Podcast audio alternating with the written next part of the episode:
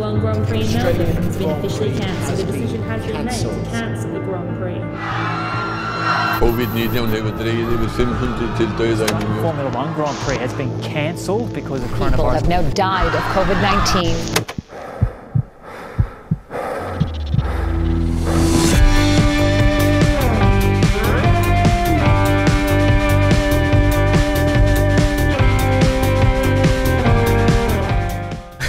Bræði Ó, þú ert ekki lægi, drengur Hvað býttu þú sendið mér bara að þú verður komið bullandi COVID og þetta er allt í tómi tjóni?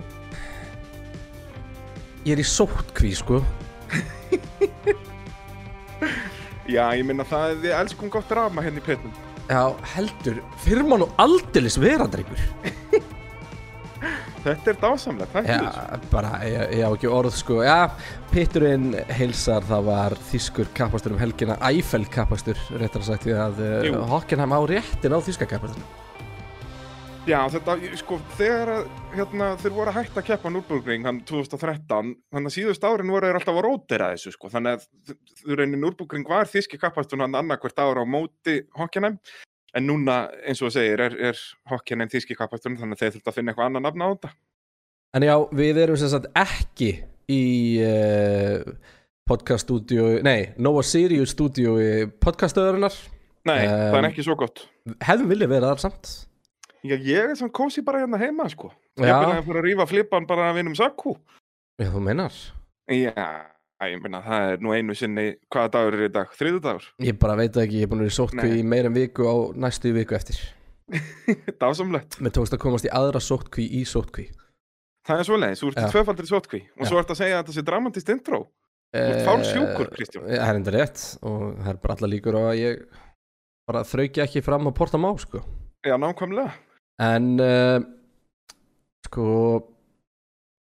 það sem ég var raunur og ætlaði að fara að segja var bara við byggðist afsökunar því ég var hljóðgæðinur ekki á, á þeim staðli sem þið eru kannski búin að venjast hlustendur góðir en uh, við lofum okkur því að einhvern tíman verður allt komið aftur á eðlilega stað. Já, ég er sko að tala hérna í eðal rúf mæk hérna á nærböksunum heima hjá mér. Já, Þannig að ég... Það er enda- það mynd sem ég er með í höstum á mér akkur úr það Bræði Þórðarsi, ég sé fyrir mig sitjandi í einhverjum svona djúpum hægjendastól á Jöp. nærbuksunum, haldandi á gömlum rúfmæk Já. Og síðan fer ég að fyrir upp í sko, smá viski og, og, og góðum vindli hérna þegar ég fer í söguhotnið og eftir, sko. Þetta söguhotnið er náttúrulega þjætt.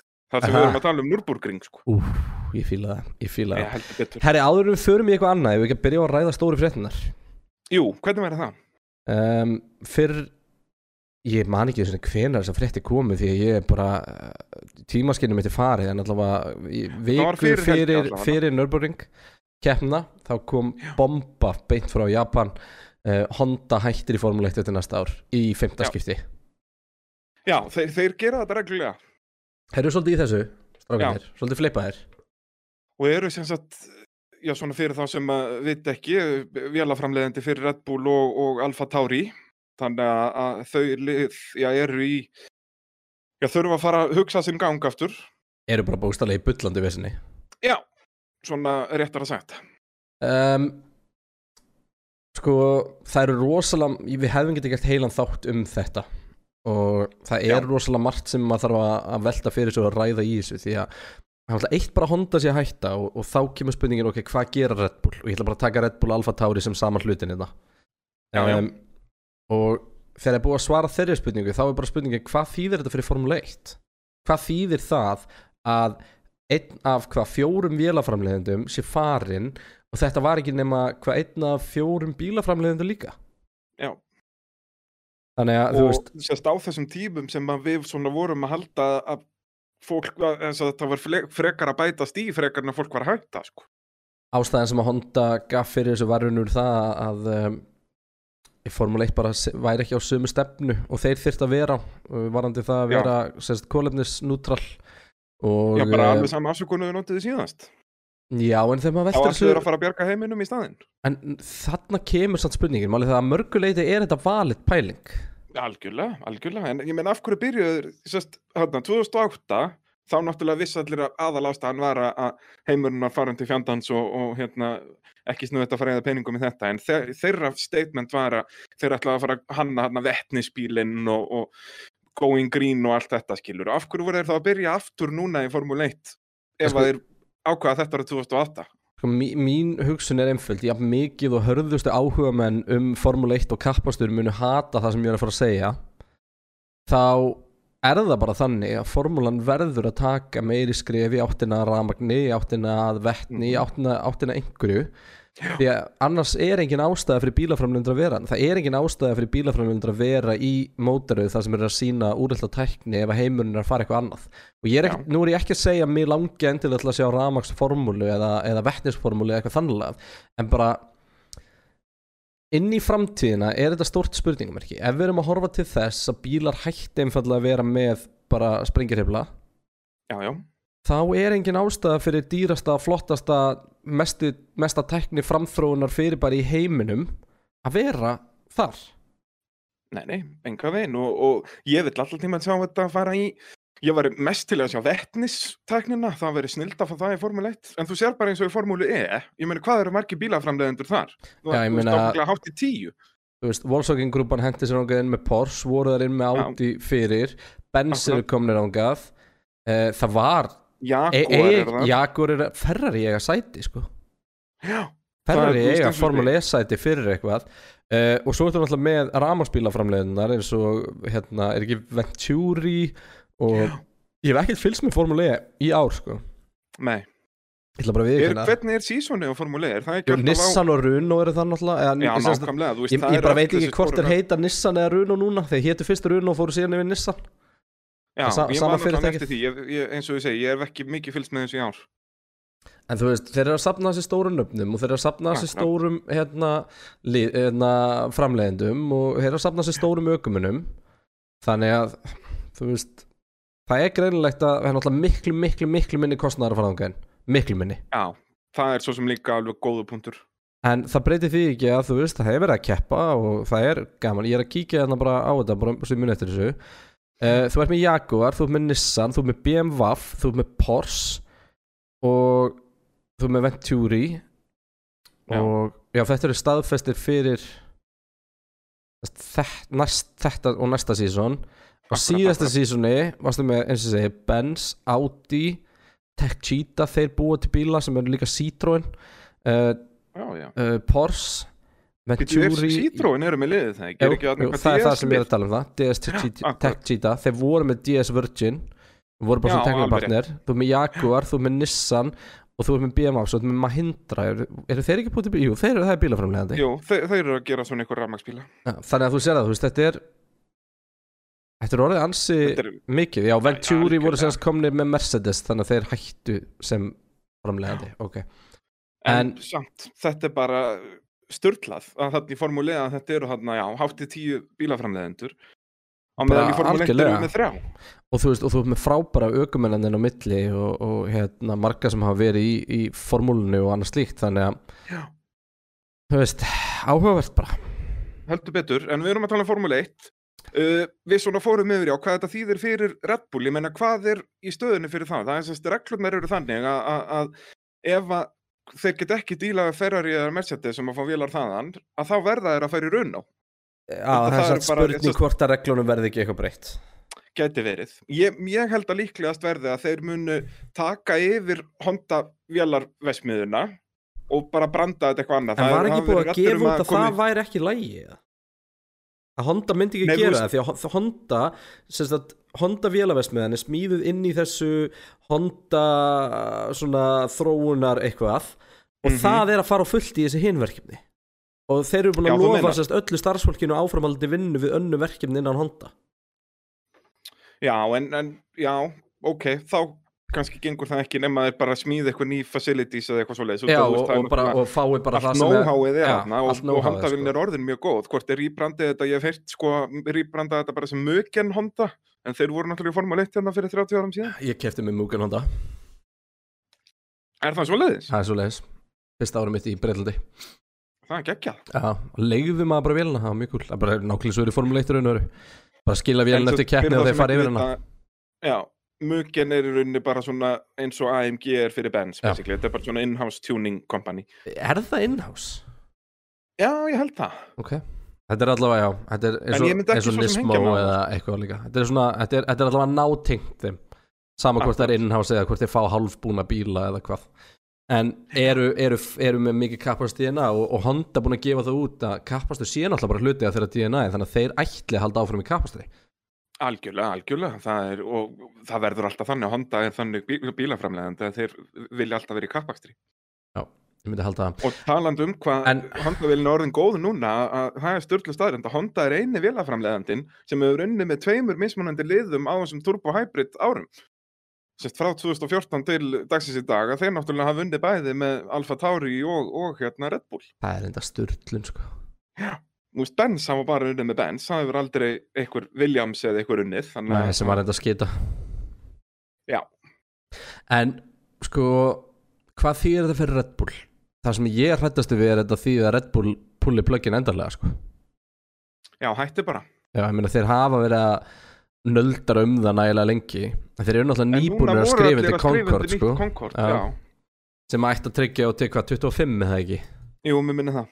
Þannig að, að þú veist, ég veit það ekki en, en ég meina, ef ég var í fjárfestur og mér langaði að fara inn í formúluna þá myndi ég kaupa þetta lið. Nei, ég myndi, ég myndi reynda að kaupa benslið því að það eru sögursagnir um að það sé til sölu en, en samt sem aður þetta, var- þetta var upp þér. Já, algjörlega, algjörlega. Og þá er náttúrulega næsta spurning, hvað þýðir þetta fyrir Verstappen? Ég meina, er hann nefnilega vistulega var að, var að gera eitthvað stóran samning, en það er ábygglega eitthvað hérna, svona glásúlur í honum að, að, þú veist, eins og núna ef að Hamilton fer að hætta á næstu árum að hvort að Benz pikki hann ekki bara upp, ég held að Verstappen, já, þú veist, það, það þarf að vera ansi gott svona sales pitch fyrir hann til að halda, halda áfram með Red Bull ef að Honda er að fara. ja, veist, það er ekki nefnilega að fara að sko. halda áfram í Red Bull með Runo-vélar. og bara af hverju ætti hann að gera það þú veist, ég það er pottitt klásula í samningnum að sem að liði verða að vera með veist, manufacturer vélar og eitthvað þannig til þess að sko. sé þar sko og uh, nú bara veit maður ekki alveg hvað hann á að gera uh, Nei, þetta allavega lítur ekki vel út en væri eitthvað svo hræðilegt að fara til þeir eru með Mercedes-vélar sko. Nei, það er málið. Og Ferrari myndi ekki, og sko Mercedes myndur ekki vilja að láta að hafa vélar. Nei, nei, og eins með Ferrari, það er að finna við þetta. Þeir munu bara enda með Runo-vélar og, og þetta verður bara geða vandræðilegt já, en er ekki Runa bara að fara í feitan slag við þá eða? Jú, ég minn þetta lítur allt vel út hjá Runo við erum nú að fara að tala um það inn í sendi þættinum hvað Daniel er ekki art og er að spá. Nákvæmlega. Þannig að þú veist uh, ég, ég bara veit ekki alveg hvort að, hvort að ég sé endilega til í að segja heldur að Runo muni vera með. Og þetta, þetta sýnir okkur Runo í gamla daga var alltaf hægt að kaupa svona spekkvél. Og Formule Já, 1 vildi að vera spekkvél til. Síðasta spekkvélin sem var til var hérna Cosworth mótorinn sem að Lotus og uh, Virgin og öll þessi lið voru með hann á sín tíma. Akkurat, um, það hins vegar núna sko núna er náttúrulega líka bara málið það og fyrir Honda og þannig að bara vera vél að þróa þró, veri vél að þróum fyrir Formule 1 er ekkert eðlilega dýrt. Já og skilar í rauninni engu öðru út af því að þú ert sest, það er ekki hægt að segja, heyrðu, nei, þetta hjálpar okkur í einhverjum bílaframleiðslu, skilur, út af það í rauninni gerir það ekki. Já, eh, ekki, ekki, ekki lengur ekki lengur, það er rétt. Ég, ég held að það sé mitt málið að það er það gerði það hérna fyrstu árin á hybrid árunum að þá var hægt svona að afsaka sig að nei, heyrðu, þetta er svo sniðu teknu og Já, bla bla bla, bla. við erum bara hérna fremstir í því að þróa og ég meina við sáum Toyota gera það Toyota þróa, voru Já. fremstir í að þróa kerskerfið og hafa Akkurat. komið og Honda voru þar mjög framalega líka og hafa svo komið brjálæðast sterkir inn bæði þessi fyrirtæki með sín hybridkerfi og ég meina Toyota hybridkerfi óafinnilegt dag bara í, í gödubílum og það já, á, það á, 100%. þú veist, það á rætur sem við að rekja í gamla Formule 1 programmið sko. Já, já, algjörlega, algjörlega. Þannig að það er eins og við segjum að ég held, sko, og já, ég, ég dyrka þessa vettnispælingar, sko, út að ég er ekki mikill aðdáðandi battería í, bíla, í bílum. Þannig ef að Formule 1 fær í vettni, það var þetta ásamlegt. Já, það, það gæti alveg verið lausnin Já. Hvað En- svona eru Tök Brown núna? Ef við svona förum aðeins í bíl útútur en samt ekki. Hann Þeir er, náttúrulega hann er Tök Brown yfir maður McLaren og, og hérna, Honda dæmið gekk ekkert upp þar og um leið og þeir fóru frá McLaren að þá byrjuðu þeir að vinna. Já. Þannig að Sack Brown var bara brjálaður en, en já, þetta lítur ansi vel út núna. McLaren að fara að skella sér í Mercedes-vélar og Honda að hætta. Geri það, ég, það ekki, því verður ekki neitað en, en hérna en uh, sko já, ég ég er einhvern veginn að reyna ég, ég held að það sé sko ansi mörg símtöl búin að fara fram og, það er talað um að, að sko sé strax fyrsti kontaktin hjá Red Bull hafi verið við Volkswagen Já, síðan að. Bitterbull er búin að segja að þessast Volkswagen grúppuna á samkvæmt það er Porsche eða Bugatti eða, eða Já, já. eða Volkswagen skilur eða Audi en Aha. hérna en Cyril er búinn að segja að hann myndi taka við Red Bull aftur samt sem aður og þú veist hversu vandrarælt símtal er það Sæll gamli refur maður hvað segir þið, Já. þetta þetta er Kristján Horner hérna, þetta er ekki alltaf í boltanum og allir feskir og Allir löðrandi léttir bara hérna, Eh, gamli, gamli, vantað- gott að- Ég í þér. nefnilega, sko, Getið þið eitthvað rétt á að komið það? að, þetta er þetta er hrikalegt sko Þetta er, þetta er já, er þið pínuvandra? Þetta er svona pínu svo að skrýða aftur upp í rúm með makarinu sem að þú helst framhjá og held framhjá þér Já, Þú veist, já, þeir, þeir stálur ekki Arto og Red Bull droppuðu run og á mjög slæmum public terms. Veist, Já, þetta er, þetta er þetta allt sko. bara geða eitt vandræðilegt þarna bara eitthvað og, og þú veist, síðan bara e- komið upp eitthvað aðstæður og núna verði það að fara að búa debatt saman. Bara al, alveg, þú veist, það er, þetta er ekkert undir ykkur komið. Já, sem er samt, samt, samt tæknifrögun sko. Já, ég Ó, Þetta er dásamlegt. Þetta, er þannig, þetta er mjög steikt sko, en ég það er erfitt að spekulera eitthvað núna en Honda segast að koma algjörlega komitt í þetta. Það sem ég veist þess að skríti er að Honda er að hætta á svolítið skrítin tíma. Þú veist, þeim er ekki búin að taka snitt að þessum ætlu Jú, þeim var ítt út Ég meina, veist, ekki að gleyma því að fyrsta ári hjá McLaren var í raun og veru svona út tekur sko línuna með við alla hina þá var það bara fyrsta testing árið sem allir hinu voru búin með þegar Honda kemur inn. Já. Þú veist, þeir voru 12 mánuðum að eftir öllum öðrum í þróunni þannig að þú veist, núna eru þeir svona búin að ná öllum liðunum og, og mótorinn bara dæmi um það hvað Honda er greinlega upplugt fyrirbæri. Mm en það breytir því ekki að þú veist tímasetningin og allt, þetta er allt voðalega fyrirlegt Já, ég verði eiginlega að vera samanlegar þar að, að, þú veist, af hverju býða er ekki til, þú veist, kannski 2023 eða eitthvað, sjá þessar nýju reglur koma inn, hvort að Red Bull geti hannað eitthvað geggjaðan bíl í það og þannig að umhverfis- gæti allavega, já, reynd af alvöru title push og eitthvað svoleiðis. að- COVID-kreppan náttúrulega er ekki að hjálpa sko, í enda dagsins snýst allt um krónur og auðra sko. Já, er það ekki nefnilega málið, bara Já. eins og þarna 2008 þegar hættu í, í bara Þa, það, er bara, það er bara erfiðar að réttlæta núna Já, er það ekki nefnilega Já. svolítið svoleiðis? Ég held það, ég trú ekki. Herru, ef að snú okkur að næsta er það ekki, er ekki komið Herru, ég ætla að gefa þér hérna 5 sekundur til að henda þér sixpensin og kveiki vindlinum hella viskin í glas og eh, Stórgott. Já, þú kannski átt, átt bara eitthvað intro í það It's lights out, away we go. And Monsieur Beckham's checkered flag puts the seal on Fangio's whip. One, two, three, four, five cars off at the corner. Eight seconds later, and it's Sterling Moss in second place. And James Hunt is the world champion. If you no longer go for a gap that exists, you're no longer a racing driver. That didn't work, Michael. You hit the wrong part of him, my friend. Jú, það er komið að sögustund eh, Braga Þórðarssonar og uh, já, það er þjættur pakki í dag, Kristján, þar sem þetta er nú Núrburgring bara einn frægasta kapastusbreyt í heimi og Mikið við þurfum nú að fara svolítið yfir, yfir söguna þar. mikið rétt, mikið rétt Fyrsti kappakstur í Þýskalandi fór fram árið 1907 og voru þjóðverjar ávallt í fremsturöð bæði í smíði á kappastusbílum og hæfileikaríkum ökuþórum. Má ég stoppa það? Má ég stoppa það?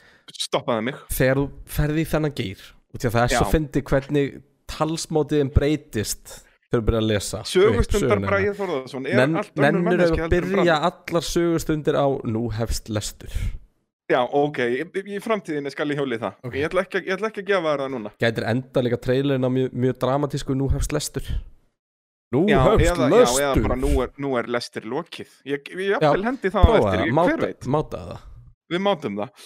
Þrátt fyrir það var engin kappastusbraut í Þýskalandi, heldur var keft að lokuðum vegum og líktust kappastarinnir því meira vegaröllum. Árið 1925, í miðri kreppu eftir fyrir heimstyröldina, hófust framkvæmdir á einnig svakalustu kappastusbraut allra tíma í skugga FL-fjallana, eða Eiffel-fjallana kannski réttar að sagt. Núrburgringbrautin átti að sína á sanna að þjóðverjar væru svo sannarlega ofar öðrum og var ekkert til sparað. Brautin skiptist í tvo hluta, Sudslæfe eða suður hlutin, 4,8 km braut sem var aðalega notað til prófana og stittri keppna og svo Nordslæfe, okkvæmlegt 22 km braut með 172 beigjum, 84 til hægri og 88 til vinstri, allar einstakar með mismunandi halla, lengd og radíus. Þegar formúlubílarnir voru hvað öflugastir voru einnig 17 stökk á brautinni. Ímyndar það, við höfum náttúrulega séð gömul vídeo af þessu að þeir voru Klikkun á, á nefa, já, þeir voru bara fljúandi á brautinni. Já. Litla ruglið. Uh, fyrsta keppnin fór fram árið 1927 og hafði brautin alltaf besta upp á að bjóða. Til dæmis 20 metra breiðan ráskabla, 2500 menna stúku, hótel og 70 bílskorfa sem hægt var að læsa. Og þú veist, þetta var mjög sjálfgeft á þessum tíma. Monsa var með eitthvað svipað en samt ekkert á þessum skala.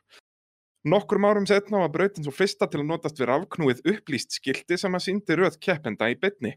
Boom Bám! Á fyrsta árunum voru það aðalega þjóðverjar sem siguruð á brautinni. Eitt þeirra, Rudolf Cari Caracciolo, ekkert með þýst nafn sko, Adolf litli hafði nú ekki verið sáttur með þetta. Nei, líklegast ekki Hann fann sniðu að leið til að græða alltaf tvær sekundur ring með því að skera henni beiguna og nýta sér skurð inn í henni til að grípa bílinn.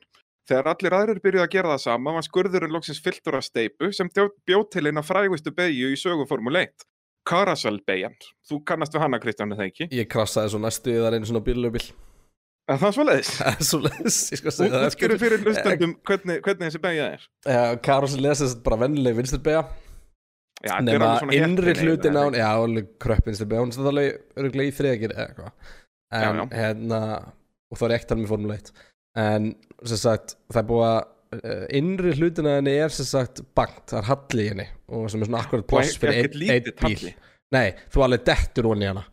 Og hérna Og uh, Það er mjög gaman að kera þetta Og það eru tvær karuselina sko. En þú veist það er litla Já. og stóra. Akkurat, akkurat. Það tala um ég stóru, Já. Mér er svo magnað að þetta einmitt Ég var vissi gert þetta bara ekki. út af- Nei, nei, að það var bara gæja þarna, þú veist, þú getur ímyndað þér hvernig bílarnir voru þarna, þetta er bara þarna, svona þessar, þessar mjóu bjúur þarna. Og hann var bara að fara ofan í skurð til þess að græða tvær sekundur ring Það er fárunlega vel gert sko. Og nafnið á beginu, þetta er í rauninni eitthvað svona nickname á þessum ökumann, hann hétt þarna Caratiola og beigjan hitt Ah. Carousel, Ok. Þannig að þetta er, hún er nefnd í höfuð þetta er ekki hringekja. Gæja. Nei, þetta er rauninni, ég held það nefnilega, þetta væri Carousel eins og hringekja, en þetta er í, í hérna, út af þessum ökumanni, sko, sem að þetta er bara eh, orðin einn í skurð. skemmtilegasta sögustund sem ég hef heyrt bara Ég þakka þér, við erum bara hálnaðir, sko, þannig að strax við sjálf ég- Ég býð spenntur Nürburgring Nordschleife var notuð í Formule 1 frá árun 1950 til 1976. Árið 1968 stóð Jackie Stewart uppi sem sigurvegari og kallaði brautina græna helvítið, viðurnefni sem festist við brautina og er enn notað í dag. Flestir þekkja söguna um Þýskalandskappasturinn árið 1976. Er Nicky Láta klesti á vegg með þeim afleðingum að kviknaði í Ferrari bíl hans. Það var nær kraftaverki líkast að Láta livði slysið af, en þetta var í síðasta skipti sem keft var á norðurringnum í Formule 1. Brautin er þá enn notuð í dag og er til dæmis opin almenningi og er einn vinsælasta svona track day brautin í heiminum, eins og Kristján var að tala um hann, það, þú hefur nú keirt eitthvað ringið þarna.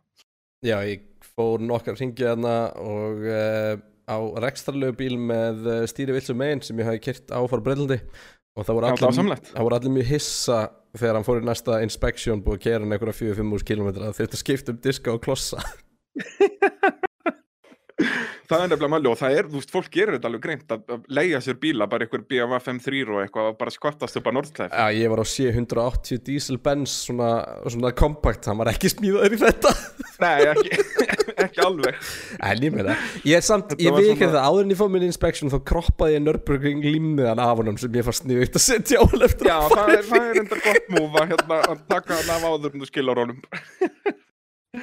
Uh, árið 1984 var, var fyrst keft á nýju Grand Prix brautinni þá var, fyrst, uh, þó var fyrsta keppnin á brautinni ekki í Formule 1 heldur keppni milli 17 orginal Mercedes C-klass bíla Það sem gerði keppnina að einum áhugaverðasta kappaktir allra tíma er að ökumennir voru allir fyrrum sigurvegarar og heimsmeistarar í Formule 1. Nöfnin svo Nicky Lauda, Keke Rosberg, Jack Brabham, James Hunt, Phil Hill, Sterling Moss, Alan Prost, Jody Scheckter, John Surtees og margir fleiri. Bara tær snild, allir að keppa á nákvæmleins bílum. Uh, Sigurvegara keppninar var þó lítið þekktur nýliði sem hafði aldrei unnið í Formule 1 keppni. Það var brasilíumadurinn Arton Senna. Holy shit Ímyndar eru fengum svona í dag. bara allir á Ímyndaðir- nákvæmlega eins bílum Þú veist, hverju var þetta í dag? Þetta væri, mér langar alltaf að segja Schumacher út ég vildi óska þess að hann væri með okkur inn til að vera þarna Þetta væri, þú Schumacher, Hakkinen Þetta væri Hamilton, Raikkonen, Vettel Verstappen myndi fá að vera þarna sem Senna Alonso, Já, Button nei, þarna voru náttúrulega líka sko, ekki endilega bara heimsumstar, heldur bara einhverju sem hefðu unnið keppni. Já, en ég er bara að segja, þú veist Láta, Keke Rosberg Brabham. James Hunt Phil Hill, Sterling er Moss. Alan Prost, John Surtees Senna, þetta er svo klikka line-up sko Jep, og þetta var alvöru reis, þú veist, þetta var ekki eitthvað bara svona sjói En það er ekki að vera að tala um að, að, að. En það er ekki að vera að tala um að endurveki eitthvað svona Þetta var snill, Nicky Láta var hann í öðru sendi eftir senna og Nicky Láta var náttúrulega ríkjandi meistari þarna. wow. Eða hann sérst átti eftir að vera meistari þetta ár, þetta eru mitt tímabil 84 og hann verið meistari þarna með McLaren. wow. Uh, Eftir fyrstu Formule 1 keppnin árið 1984 var ekkert keft á uh, keft á Nürburgring-brautinni fyrir 1995. Eða, það, það var keft á 84 og 85 en síðan ekkert fyrir 95. Og má segja að vinsaldur Michael Schumacher eigi stóran hlutaði því að keft var á brautinni allt til ársins 2013. Þar sem fyrstu árin voru bæði áhörvendur og keppendur ekki sáttir með nýju Nürburgring-brautina. Það var mikið verið að tala um að það ætti ekkert að kalla þetta Nürburgring og, og þetta er bara fáralegt að, þú veist, út að þetta er bara leiðileg kappastusbraut og bla bla bla bla, en síðan náttúrulega kom alveg að daginn að þetta er snildar braut. Það er fínasta kapasprut Já, alls hefur keppnin bóðið fjögur heiti í Formule 1. Þíski kappaksturinn, Evróski kappaksturinn, Luxemburg kappaksturinn og svo núna árið 2020 Eiffel kappaksturinn. Og þar með er lestur í lokið. Ok, fyrir þetta B100 Eh, Nei, þetta var Bræði Þórðarsson uh, Sögumaður, sögumæður sem að sagði frá. B... En núna er B100 komin aftur.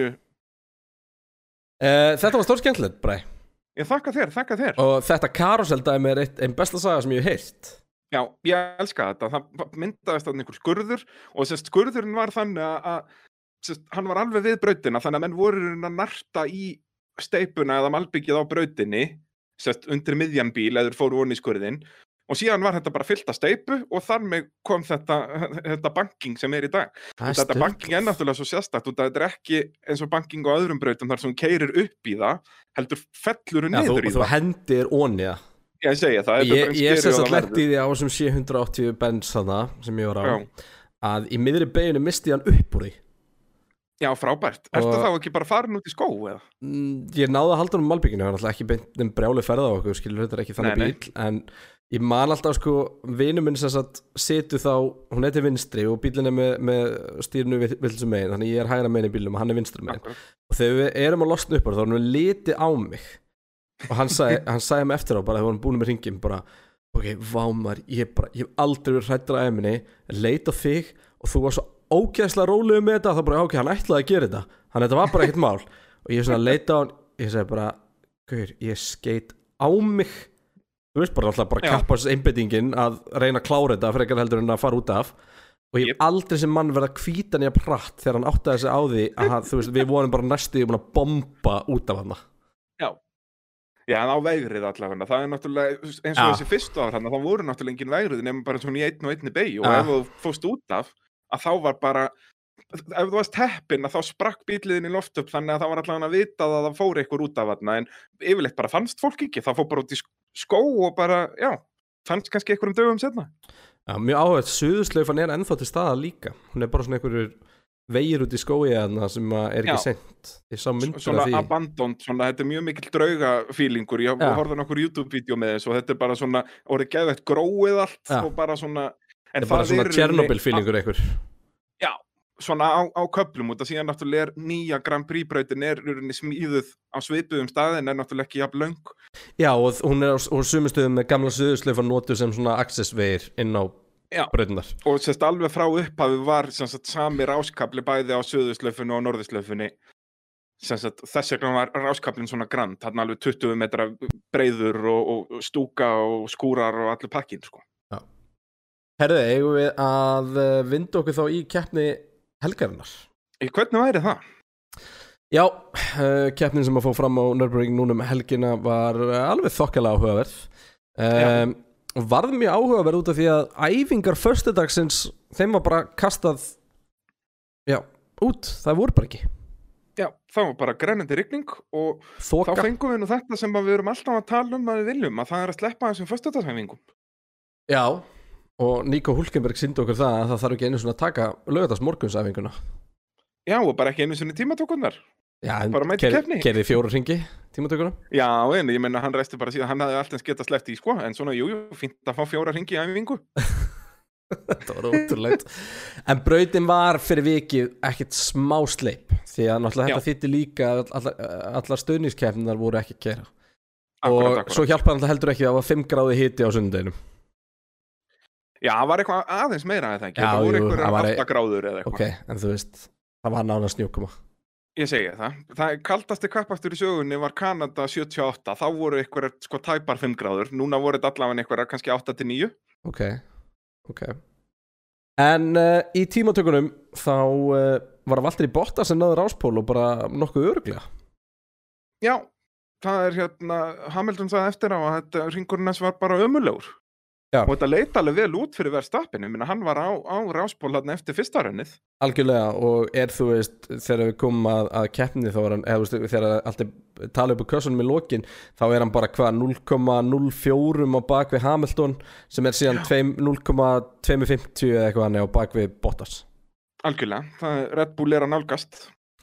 veit það ekki Já, sko, ef ég má taka pínu út út úr aftur að, að það er alveg mjög góð ástæðan fyrir því að Red Bull er að nálgast. Og, og Toto Wolff sagði það alveg svona óbeint eftir keppni að, eða ekkert óbeint, það er náttúrulega Mercedes eru bara hættir að pæla í þessum 2020 bíl. Þeir vita að þetta er bara komið og þeir eru bara fullu að hanna 2021 bílinn. Já en þeir eiga eftir að hanna 2021 bílinn því það á að vera saman bíl sem er eitthvað sem ég skil ég meina það verður veist, drastískar breytingar á gólfinu fyrir aftan sendbótana og þú veist Ég veit það, þetta er, er svo, er svo skrítið því að svona, herri, við notum bara sama bílinn en svo er bara virðast allir mega breyta bílinn sem móksla mikið samt Já, þú mátt breyta erói, skilur, bara eins og ár eftir ár. Það eru bara ekki drastíska reglubreitingar en þú mátt alveg breyta bílnum. Nei, þeir, þeir fristu mannstu á milli ára þannig að þú Já, ættir ekki að smíða sem. nýjan bíl fyrir næsta ár En það, semst, það bílnum eitthvað smá, þó að það sé ekki jafn mikið á vennulega. En Þannig að ég, ég, bara, ég las þessar reglur ekki að Mercedes er ekkert að fara að hætta að vinna, núna eru þeir bara að kafi að hanna 2021 bílinn þannig að þeir geta klára það í ár. Ég hugsa samt að þú Red mátt Bull ekki sé byrja byrjar á á því líka. 2022 bílnum fyrir ná næsta ári. Þannig að- að þeir ætla þá greinlega að nota allt næsta ár bara hanna 2022 bílinn. Ég hugsa nú samt að Red Bull sé byrjaði líka. Já, já, það er alveg, alveg öruglega Þannig að En ég minna Red Bull eru samt alveg svo Ferrari að þeir komi með nýja update fyrir þessa keppni þannig að þeir eru nú ennþá alveg á fullu að hanna þennan bíl meðan að Mercedes eru bara búin að gefast upp. Algjörlega. En eh, í tímatökunum Bottas Hamilton verðstamennileg klörk með impressive fjórasæti sko. Já, þetta er alveg magna hvað hann gerir með þennan bíl Albon síðan 50, Ricciardo 70, uh, Okkon 7, Norris 8, Peres 9, Sainz 10, Vettel 11, svo komaður hérna Gasly Kvíat, Giovinazzi bestur á restinni, Magnussen, Grosjean, Russell, Latifi, Raikkonen og okkar maður uh, H-hundurinn, Ó, já, ég elska hann svo mikið hann er geggjær. Hann er að Ó. vist alveg komin inn í mixi fyrir uh, Red Bull seta næsta ári, en við slum taka það fyrir Já, og svo eftir. segja menn Tökum Já. það fyrir og eftir. Já, um, Ef við ekki bara byrja að ræða Mercedes og ræða keppnina Jú, Ég ætla að viðkynna það að ég var í COVID-testi á meðan að keppni var Þannig ég var svona svolítið inn og út. Um, já, það á svona fyrstu 20 ringjónum cirka. Já, en skoðan að svo eftir á en í svona stressi yfir því að ég væri mögulega með COVID Og uh, að Gaurin sem var með mér sérst í sömu íbúð og ég í sótkví var að fá niðurstöðna sína Hann væri með COVID og svona, það var alls konar skemmtilegt.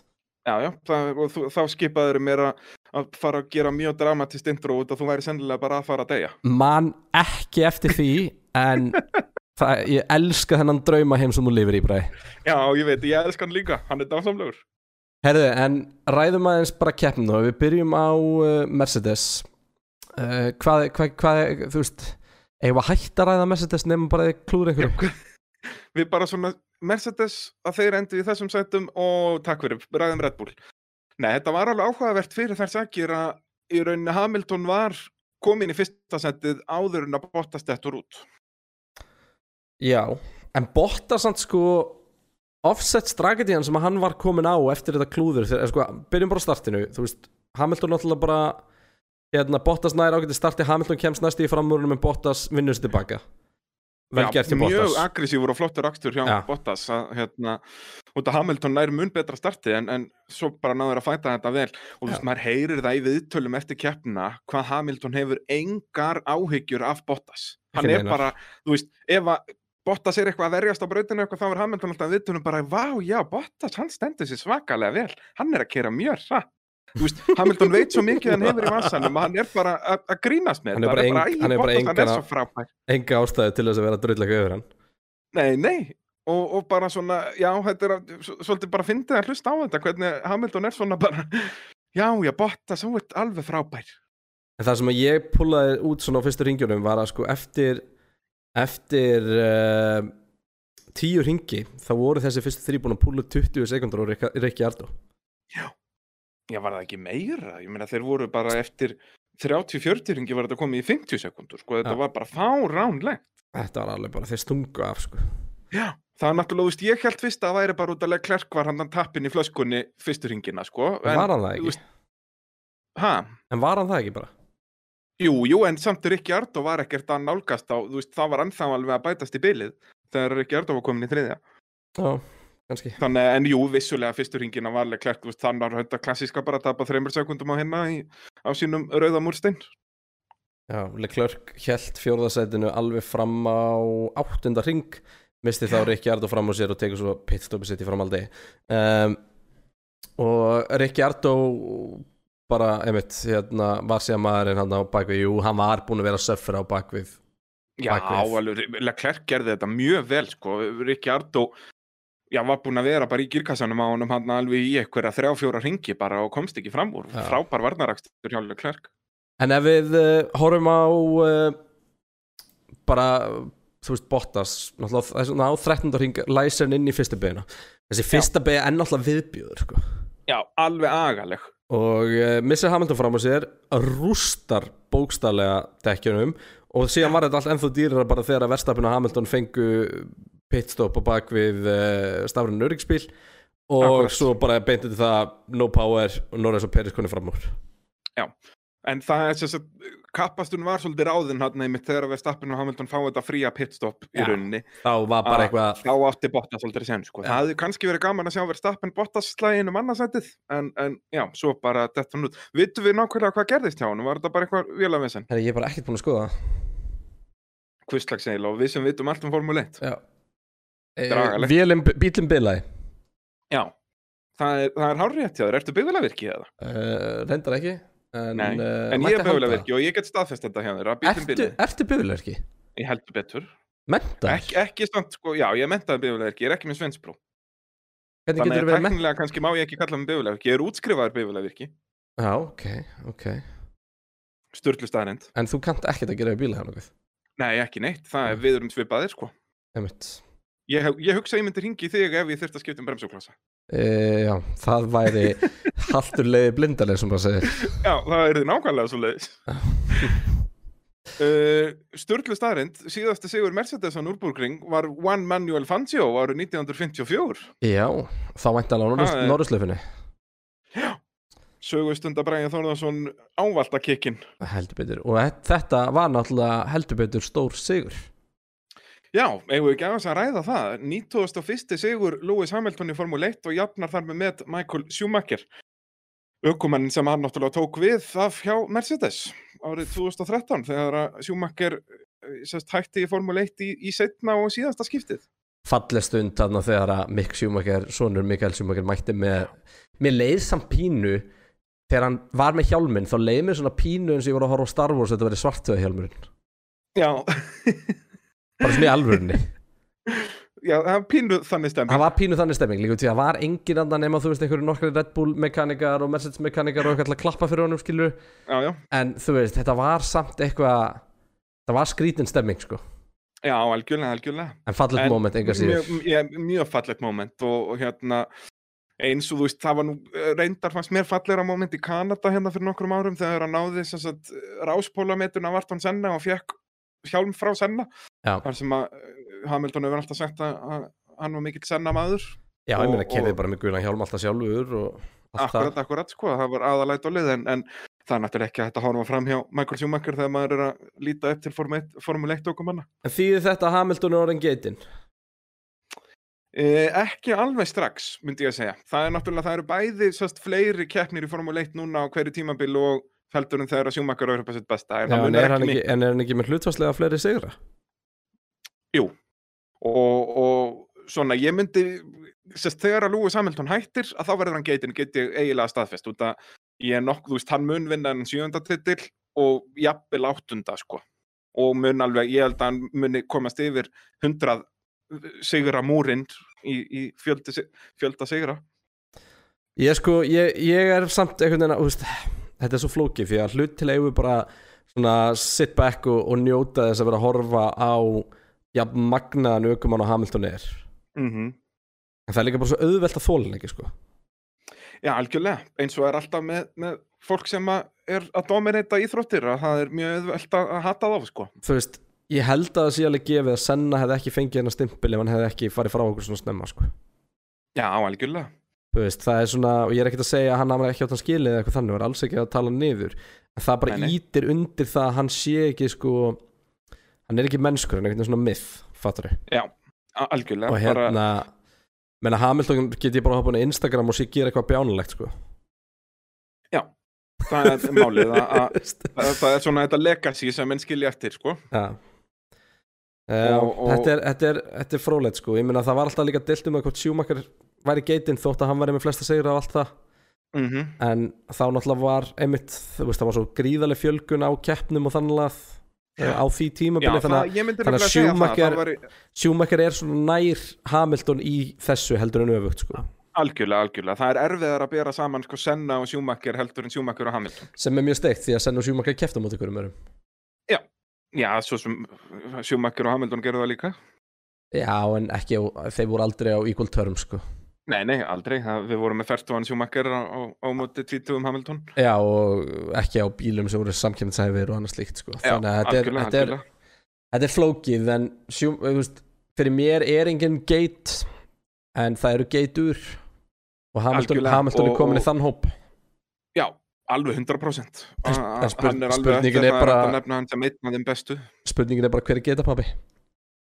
Já, og ég En- myndi, ég- ég segja að Schumacher er ennþá geta pappi eins og staðan núna, en Hamilton á eftir að verða. Ég er ekki viss. Já, já, ég held að, ég held kemur að, get, að geta pabbin sé miklu aftar. Já, þú meinar. já, Fangio. Fangio og, já, já. sko fyrir mér er Surtees geitin að vissu leiti bara í lífinu fyrir það að vera heimsmeistari bæð á mótuhjólum og bílum Já, sem er geggjað. sem er styrlað og fáralegt að það sé ekki hort meira á það Já.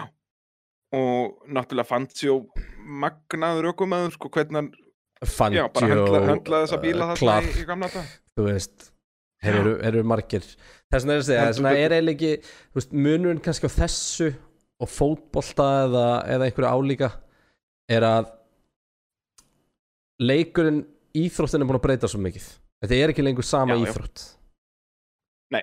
Þú Og þú veist, menn segja það um fótbolta en það er bara ekki rétt. Fótbolti bara var ennþá að sparka boltanum í netið bara alveg. Já, það eru reglubreitingar og hvernig leikurinn spilast og allt þannig er öðruvísi en hérna er þú veist, Þetta er bara allt annað spór. þetta er bara allt annað sport Fangio upp að sitt besta núna kæmist ekki inn í Formúlu 2 og væri mjög langt frá því. Að hann byrjaði náttúrulega bara færtugur, sko.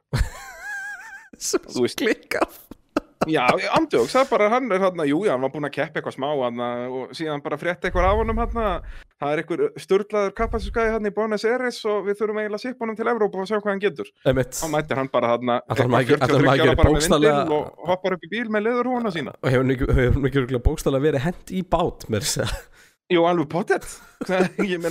Þetta er bara á 1948, þannig að það er hérna... Yes, Mr. Já, Enzo, can you sign for this uh, shipment from Argentina? Já, bara bing, bara búm. En hérna, já, áhugavert um, En allavega, Hamilton annar á ráslínu og klárar fyrsti Bottas á ráspól en klárar ekki. Og það er búið að setja síðasta naglan í kistuna sem var lungu búið að smíða. Það er alveg búið að mála kistuna frekar myndi ég segja, það var lungu Já. búið að smíða hana fyrir titilvonir Bottas. Já, Það er, það er alveg staðfest, skjálfest og, og, og þinglýst. um, Max Verstappen þriðji á ráslinu annar í, í keppni Alex Albon 50 á ráslinu og kláraði ekki keppnina eftir einn blöðurlegasta kappastu sem ég hef séð um, Já, en Verstappen geggja hjá hann að ná hraðastæring og heyrður hvað hann var peppaður ertu búin að sjá Já. vídeo að því? alveg, hann bara, þetta var eins og hann var að vinna keppna Ef við kannski að henda þeirri klippun Já, hendum því inn Hi.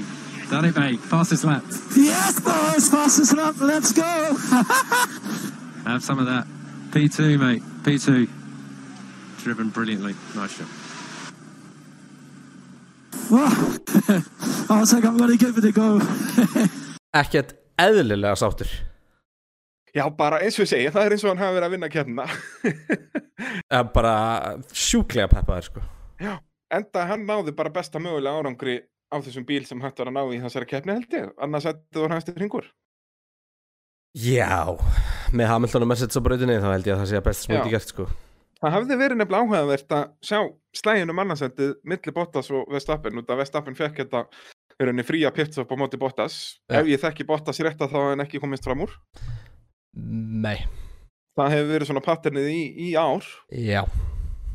Og þá kemur þessi punktur að þarna erum við að tala um Verstappen sem er hérna komin með 50 sekundar foskot á, á hérna, formúle 1,2 liðin og Albon er ekki einu sinni best of the rest þarna, hann er bara í ræsun eitthvað staðar, bara mínúta eftir Hann er á bakvillig klörk í tímutökum Já. Þú veist, hvað er að frétta þarna, Ég veit það ekki, ég skil það ekki. Er þetta ekki síðasti naglinn hjá hann um Albon okkar? Ég held það. Og bara sjá hann að myndirna á hann eftir hann datt út þar sem hann var svona hálfbandin að fela sig einhverstaðar og eitthvað. Bara, já, þetta er búið Ég, er, ég, ég, hugsaði sé bara ekkert að fara að Ég skil hafði farið á Nordslefi og fundið hennan skurð þarna í, í, og grafið upp uh, alla steipuna og farið að fela með hún í honum. Já, getur verið. Um, Ég ætla aðeins að byrja að tala um Albon bara í þessari keppni, byrjum á því og ræðum Mhm. svo aðeins bara framtíðina sko. hann reynir, það sem að ég náttúrulega er með hérna í, í ég, þegar ég var að gera punktana hérna. Albon reynir að komast fram á kvíatan eftir uh, virtual safety car restartið. Og keirir yfir framvængin á hann Eins auðlalegt og mögulega hægt er. Ég bara, ég, ég fatt þetta ekki. Veist, hann er óbynd að taka út liðsfélagi þótt að sé ekki liðsfélagi en come on Já, og bara, ég talandi um radio message, hefur við ekki að spila þetta líka? They raced me so hard. Understood. Mode 6 when you can. Mode 6 when you can, please. Það- Þú veist, hvað er hann að spá þarna? They race me so hard. Já, þetta er hann þegar, hann, veist, þegar hann ég held að myndi keira út hjá, hérna, eða var þetta ekki fyrir það? Þetta Nei, var ekki þegar var- hann kemur þetta- framvængin. Þetta er þegar að Þetta taka- var, hann var að fara fram á þegar hann er að Gastli taka fram á Gastli, ég man það ekki. Já, hann er að fara fram á Gastli Já. Á hrikalegt sko Já, bara, og eitthvað þeir, þú veist, hann er að reyna eitthvað glórulösa framúrakstra þarna og, og, og síðan náttúrulega líka á fyrsta ring þegar hann rústar framtækjunu á sér, hann þurfti að pitta þarna bara, hvað var það, á fymta ring eða eitthvað, það náttúrulega eiðilega reysið hans alveg og hann náttúrulega eiðilega það bara sjálfur með að rústa þessu framtæki. Bara fáralegt Já, svolítið mikið. Þá sko Og þetta var fyrir mér bara auðlegasti hlutin Það er þetta þegar hann fyrir að kvarta í radiónu Og Dettur svo þarna út Og þú veist, æ Sorry kallið minn, þú átt ekki skilja að kera Red Bull Nei, það er bara nákvæmlega þannig. Hvað gerði Gastli til þess að Red Bull vilja ekki fá hann aftur? Var mjög lélugur með Red Bull og í byrjun síðan Nei, þetta er eitthvað annað veist, Gastli er búin að vera stjarnar þessa tímabils Bara á eftir Já. Hamilton Leclerc sko. Já, já, já, já.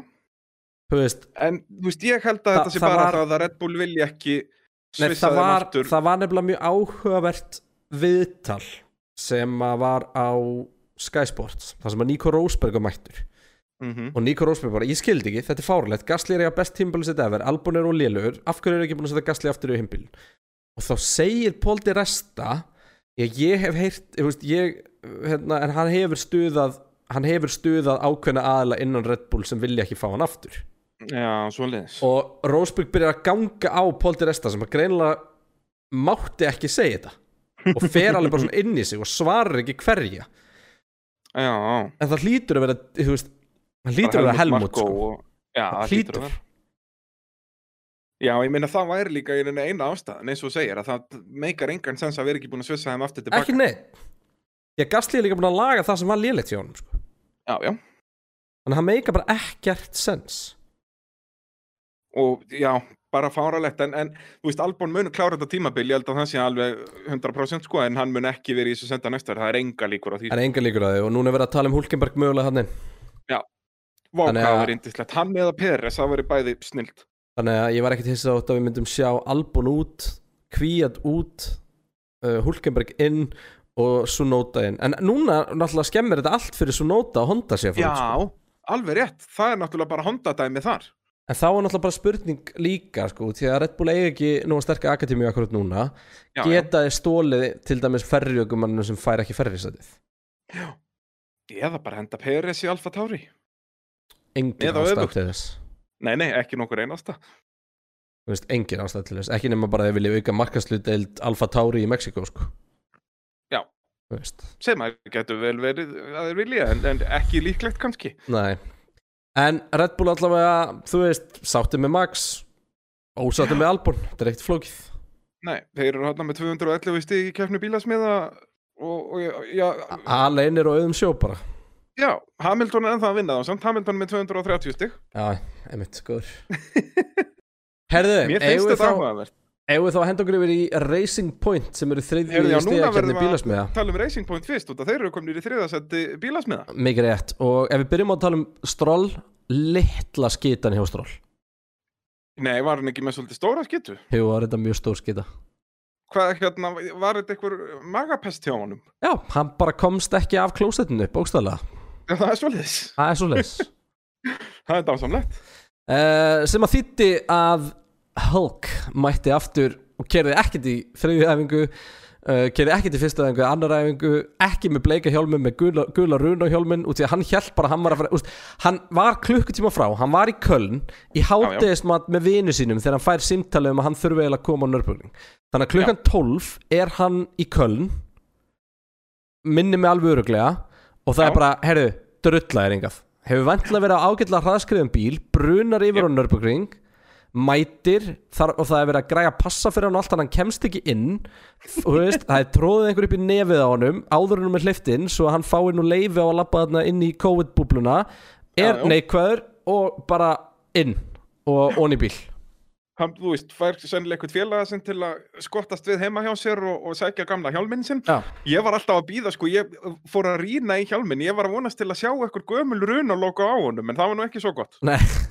Og, það búið- að tróða einhverjum BFT limmið á hann og eitthvað Já, já, það, mér finnst þetta magnað og, og hérna, ég veit ekki hvort að þú vitir svarið við þessu, ég veit það allavega ekki og hefði kannski verið gaman að researcha þetta eins. Hvernig liðin retta, þú veist, eins og bara svona limmið, þú veist, eru þeir með prentvélar á staðnum, veist, eins og bara hvernig númerið á bílnum var? Var, var númerið á bílnum ekki rétt? Eða? Jú, jú, það var rétt og Sko, ég- ég hef enga- letrinu og allt þetta. Mér finnst svolítið steikt sko, stóra í þessu er sko sætið hans varð að vera þarna Þannig að þá er ekkert ólíklegt að þeir eigi varaukum hans limmið hana bara með sér Já, að það sé svoleiðis, Já. hann sé þarna vara aukumaður bara og, og hérna, þá er þetta allt svona tiltölulega reysir rétti. Já Já, jú, það er svo sem góða punktur. En þá finnst mér ennþá steikt að þeir séu ekki með hjálmina sko Já, Já, er það samt ekki svona person... Nei, liðin er alltaf með þetta allt er það ekki. Formule 1 tökum en taka aldrei hjálminn með sér heim. Ég það? held að Formule 1 aukum eigi bara nóga hjálmum sko Já, svo fyrir utan það. Þannig að þetta er mjög eðlilegt að liðið ferðist með þetta Ég meina ég ferðaðist alltaf með minn hjálm í handfarangri Í eina skipti Já. sem ég gerði það ekki var, var nú stólið Og Já, hérna frábært. var stólið á land, í landamæra eftir lit á leiðin í Rúmeníu Nei, Mm. hjálminum er ekki stólið Handstivæsinu mínu var stólið Já, Og það var bókstala onni í Formule 3 bílum mínum inn í tröknum sko. Ég setti það bara, þú veist, þeir setti það bara í sæti mitt Til að Akkúrat, ferðast með það, bara tösku með þessu. Það var hugsa mínu stólið Formule 1 tökum en er ekkert að velta sér upp úr þessu og sko, ef það er ekki liðin sjálf sem eru með þetta þá eru þeir alltaf með svona einhverja persónulega treinera eða aðstofa fólk sem myndi að sjá um þetta. Já, veist, þetta er pottit bara, þú veist, aukumar nánáttúrulega bara skrifstofu sem hann skiptir um föt og græ, gerur og græðir á brautindi, sko. Jöp. Þannig að þar inni var alltaf bara skápur með fjórum hjálmum og fjórum hönskum og fimm nærbóksum og eitthvað, sko.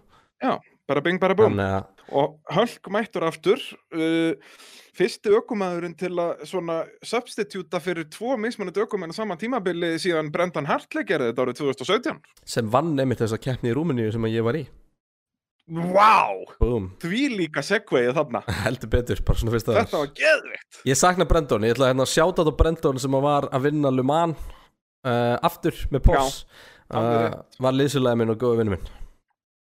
Já, voru þið liðsfélagar? Já, já, Ok Nýsjálendingurinn dásamli já, æðislur, æðislur. Ég drapa næst einu svona golfmóti, ég kann ekki golf.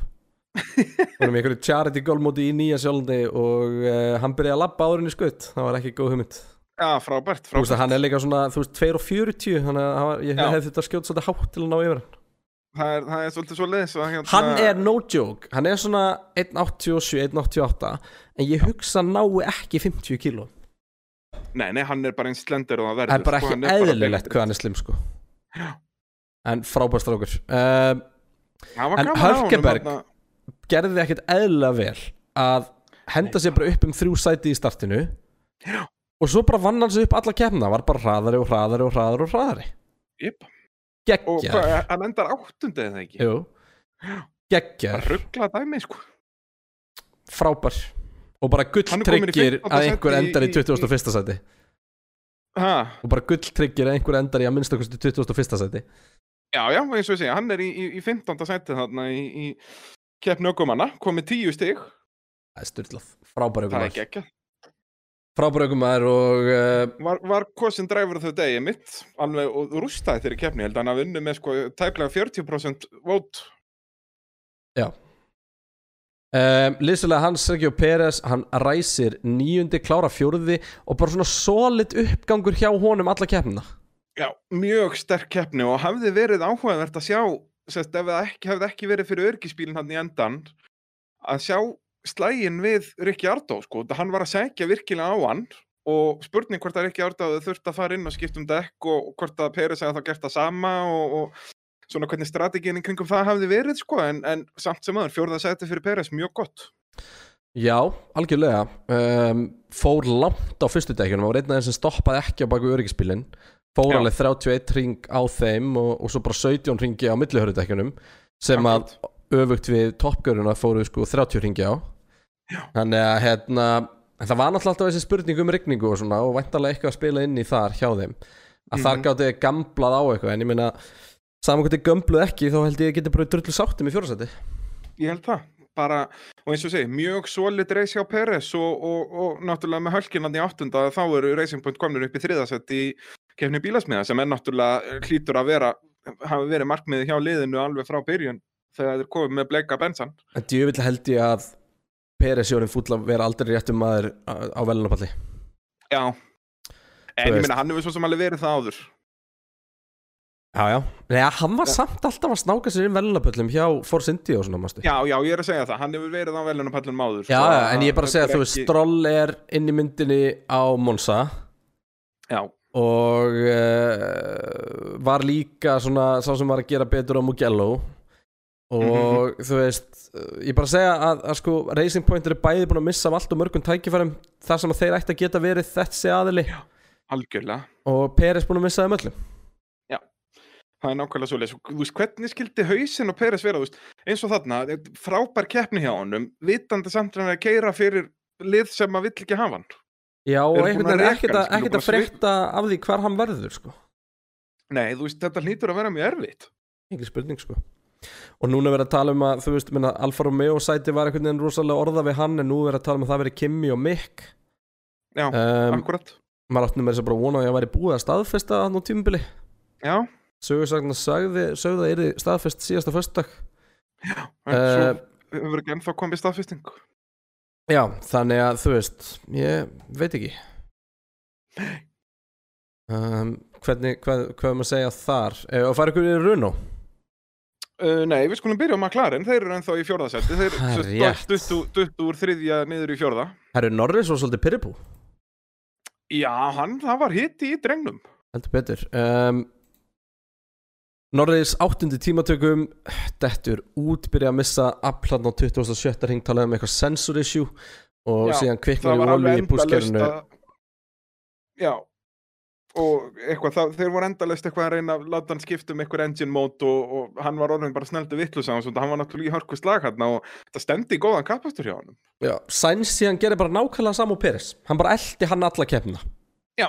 Byrjaði tíundi, Og- kláraði fymti og var bara alltaf á baku Peres alla kemna McLaren, þeir litu vel út þessa helgi fannst mér. Já, miðað já, við, þeir hafa verið svolítið mikið svona bara með síðustu keppnir já, og komið með ykkur update núna og, og hérna bara leit vel út. Já, það er ekkert meira en það að segja. Og það var ekkert meira McLaren að segja í þessa helgi. Það var einhvern veginn engin læti kringu það neitt nefnum bara Norris og Pyrraður Já, að, í- og það er náttúrulega triggerar síðan ennum örgisbíl hann sem að svona spæsa þetta aðeins upp í andan en, en hérna, svolítið skrítið að, já, ekkert svona eins og maður hefði kannski vonað en, en skrítið að það var kallað út sko alveg full örgisbíl en Já. ekki bara virtual safety car sko af því að bílinn, þú veist, skotbámiliftari var þarna bara hliðin á honum. Já, Það hann, hann þurfti ekki eins og að fara út sko. Nei, nei, ég segi það. Þú veist, þetta var ekki eins og, eins og þú veist, reglan er bara um leið að fer liftari út á brautina hann gat tekið hann upp á bakvið Já.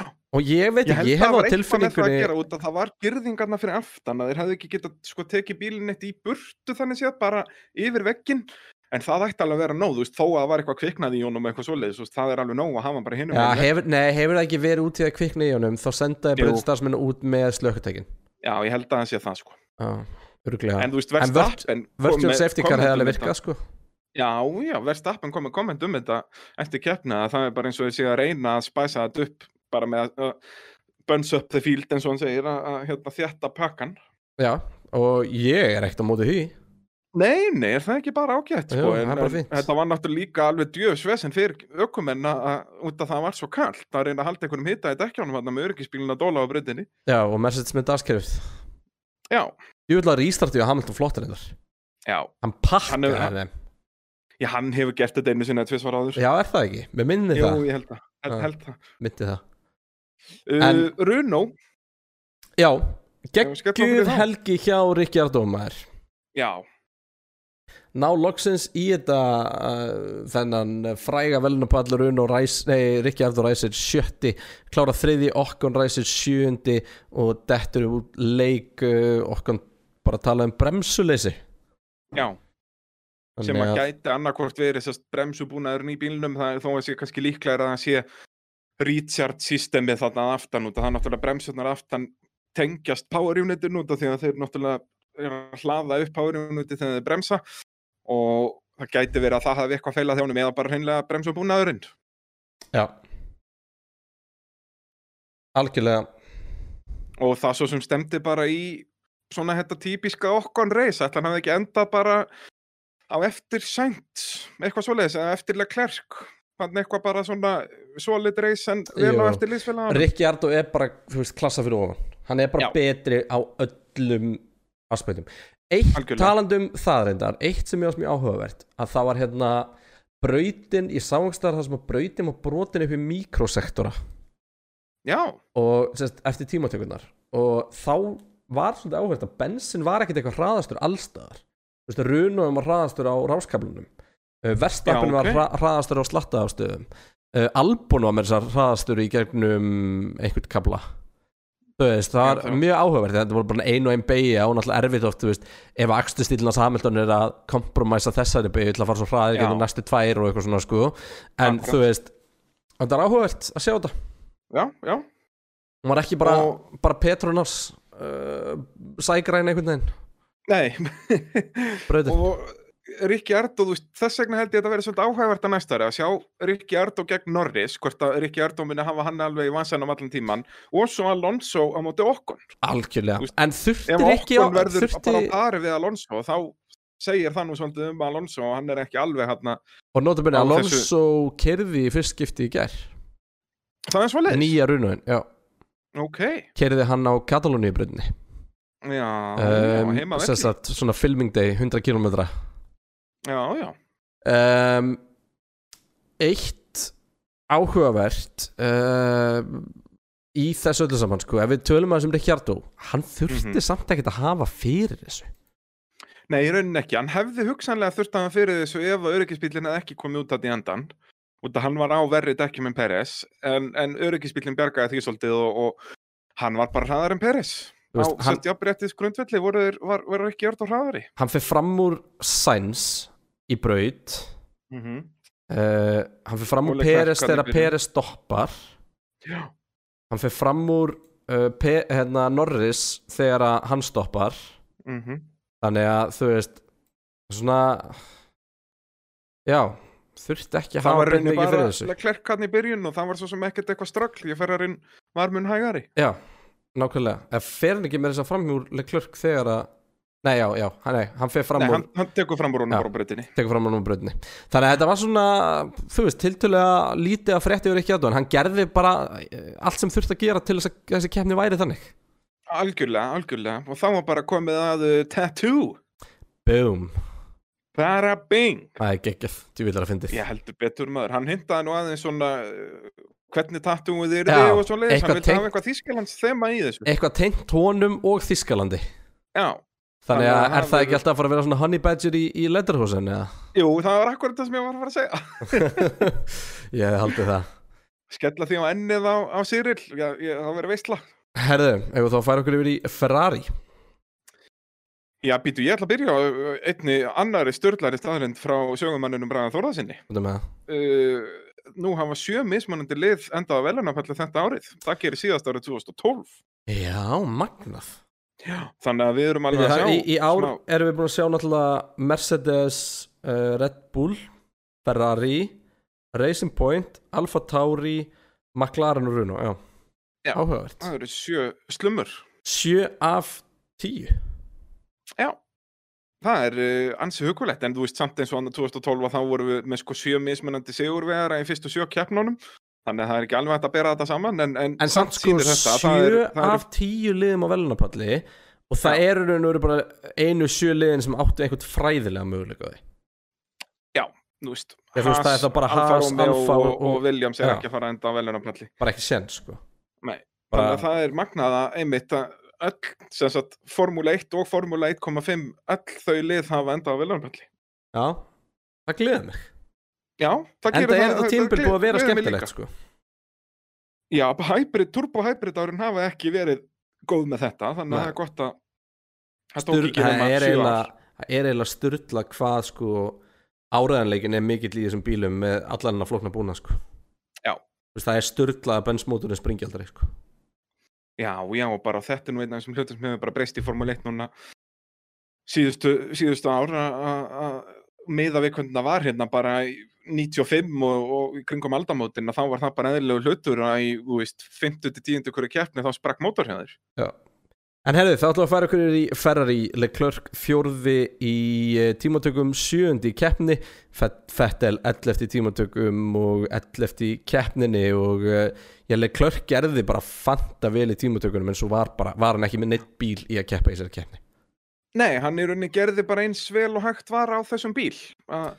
Nema, eins og segi, tímatakkan bara eitthvað allt annað, sko, bara hvernig hann nær og hann hefur verið að gera þetta reglu í að- eða í ár, réttar að sagt, að ná einhverjum svakalegum tímatökurhingum sem að bara, já, bara algjörlega sprengja á menni hausinn að horfa á þetta. Já, maður bara valla tekur eftir því út í að síðan einmitt verður svo lítið úr því Já, já, svo er þetta bara, þú veist, hann, setur hann bara í bakkýr og, og hérna, nær þó allavega enda sjöundi.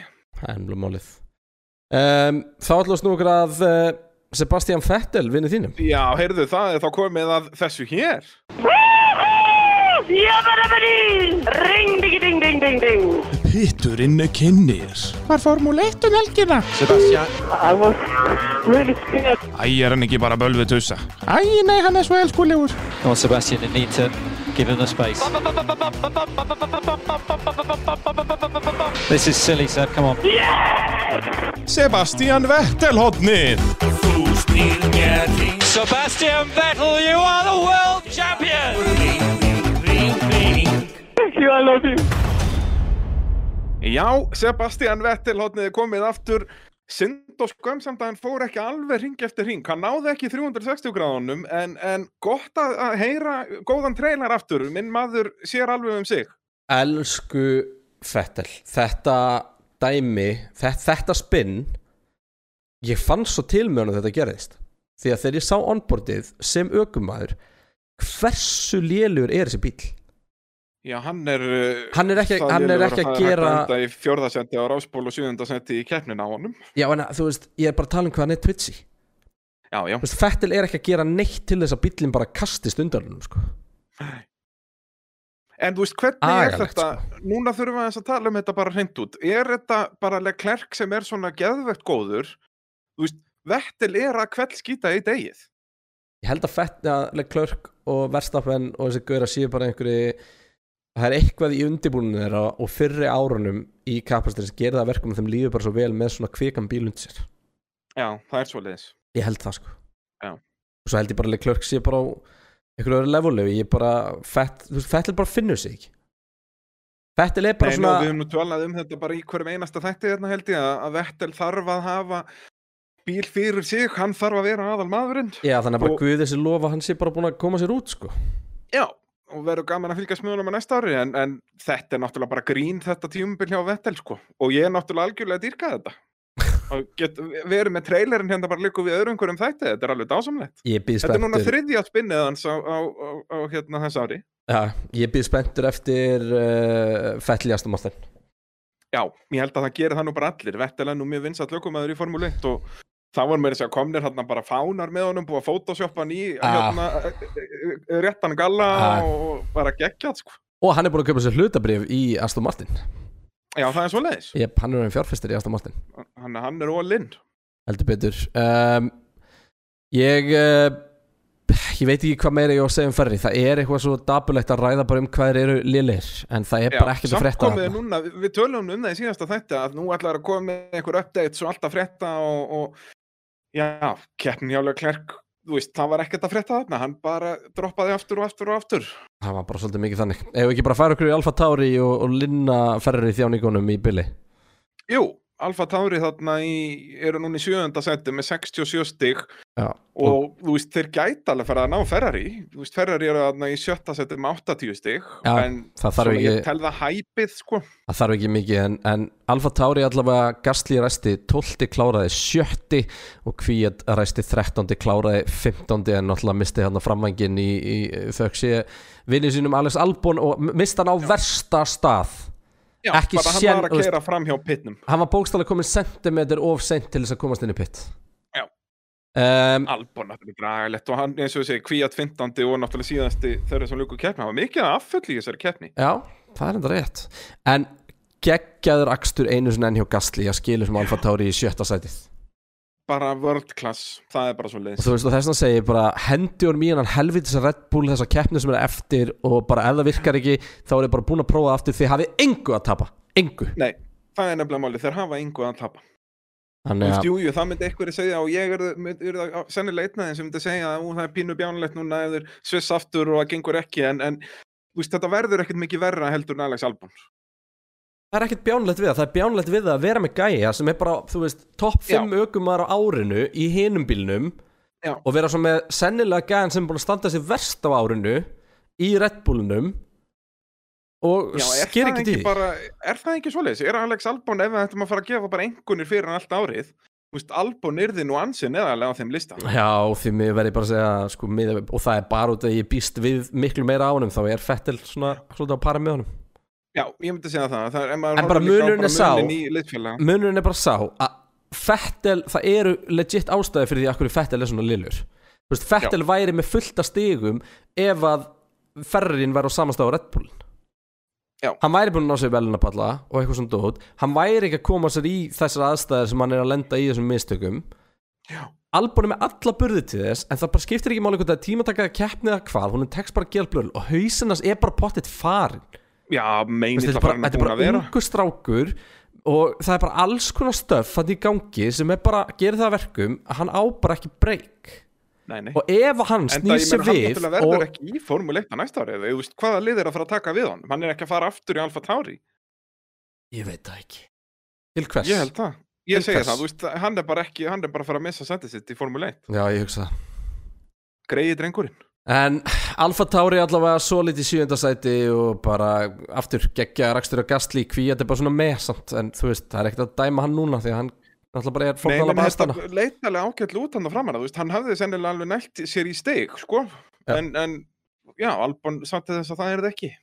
uh, Færum okkur til Alfa Romeo Þeir uh, já, náðu ekki neinn, jú Giovannizzi náði stig í þessu keppni Rækunum var 19. í tímatökum eiginlega síðastur, við ætlum að gefa Hulkenberg það að segja ekki hans í síðastur Því hann Já. var basically bara að prófa bílinn, hann tók shakedown uh, Kláraði 12.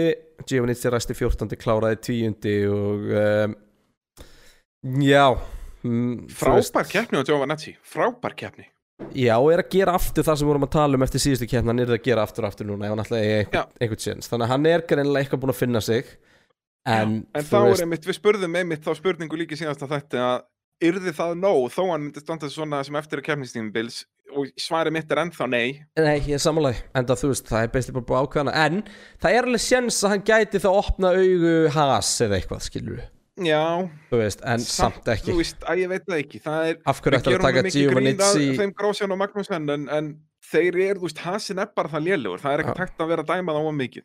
Og Grósjan vann uh, Giovannizzi þessari keppni Já, nákvæmlega Þannig að, uh, já, nei, já, nei og um, en Giovanetti, best árangur hans í, tímantökum þetta árið, fyrsta skipti sem hann kemst upp í Q2 hann, og, og kappaksturinn sjálfur mjög solid tíunda sendi einmitt. En samt sko, þú spári í Giovannizzi, hann ræsi 14. Það eru 5 bílar sem detta út Já, og já. af þeim er sko Norris fyrir framann Albon fyrir framann Okkon fyrir framann og Bottas fyrir framann þannig að hann basically fóð bara upp um þau sæti ja, mér þetta missi hölk fram á sig líka þannig að, jú, Fettel er síðan hinn. Já. þú veist, þannig að kannski Já. ekkert alveg jafn frábært ég er að segja. Nei, kannski ekki. Uh, En okkar maður Kimi Rækonen sem okkur er alveg sama hvort það er aftastur eða fremstur eða hvað við elskum hann og uh, hann er orðin uh, sá aukumæður sem að hefur ræst flesta keppnir í Formule 1 það er svo leis, 323 stykki bara bing, bara boom. Næstu ég búin að klára þessa keppni hann í byrjun já, hann var með flotta rallítækta þarna hann læsi þess að afturöxlinum hann og bara því líka driftið sko Já, geggjar En Vinnandi allavega um, Færum okkur yfir í Haas og sko Grósjan uh, 16. í tímatökum og klára 9. Frábær Já. algjörlega magna, næli sér þarna í tvö stygg Magnúsen og er þá komið með tvö stygg Magnúsen 15. klárar 13. og sko þessi Magnúsen Fettel slagur hann í restina djöfill var Magnús Fettel varð ekki eftir hann segði Magnúsen bara bombaði hann út hann í senasta hlutum var sko. bara innbeittur brotavili hjá Magnúsen algjörlega sko, Fettel var alveg grimmur á undan en Magnúsen, það er svona snögg reyðis þú veist, hann bara gefur ekki þú veist, hann er bara svona steinn í brautinni hann bara gefur ekkert eftir og það er stundum bara heimskulegt. Algjörlega og Vettel vissi líka alveg þarna kemur reynslan af Vettel sterkinn sko, að hann vissi alveg hvernig hann var að berjast við sko og, og bara, heyrði á, gaf honum eins mikið spes og hægt er, en þú veist Magnúsen slappað af vinnur bara nákvæmlega. Það er hérna, en jú, jú og ég- það ég held að hattin og allir ökumenna í Formule 1 hata Magnúsen sko að þeir hafa allir lendið í ykkur basli með hann. Það er tísku að hata Magnúsen. Já, ég held að það er bara svona standardin í þessu sko. En, já, Grósjan, það var áhugavert uh, talstöðamessage frá Grósjan Já, heldur betur, hlustum á þetta I got I got hit badly by some gravel from Kimi and it's fucking hurting my finger. Are you okay? I don't know. I hope it's not broken. I can't use my left index basically. Já, þetta, ha? Það er, hann, hérna, hann var hrættur um að hann var í puttabrotin. Hvernig er sko, nú hefur þú reynsla á því að keira svona uh, sagt, open wheeled bíla þar sem að hausinaður og, hendur og allt eru hann úti og náttúrulega í svona miklum kulda, þú veist, aðalega það. Og Norris og fleiri voru kvart yfir kuldanum að þeir væru bara að drepast á kulda á höndunum út að ef þú beigir, hann, komin í 90 gráður á, á stýrinu, þá er hendiðin bara úti.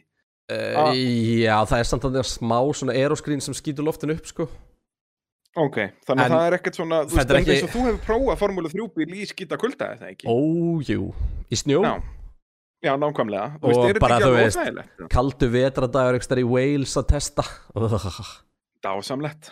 Þannig að, jú, jú, En- eða þú veist maður samt finnur ekkert fyrir þessu búin að adrenalinni, sko Já, en svo ofan á þetta alltaf, þá náttúrulega fær hann svona lítinn grjót, uh, lítið grjót úr, úr malagrefju í puttan.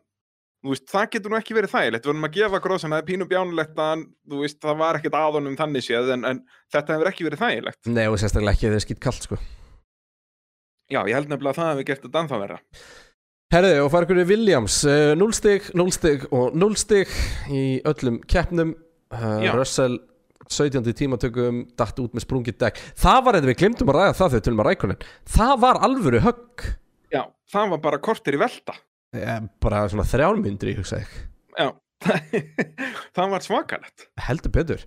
Kastast Líka hann sko þetta í eftir... útsendingunni sá maður ekkert, maður sér fyrst bara Russell aðná sprungnu og bara, já, hann hefur kert yfir smá karbón eða eitthvað og svo Akkurat. kemur íplegið þarna alveg ring setna eða Og eitthvað þá var hann bara og hann kastast. bara, þetta var svaka krass Já, heppnum veldi ekki. Latifi ræsir 18. klára 14. og því mér er bara ekkert að tala um. En, hvað er þá næst, bræði minn? Er það ekki bara þetta hér?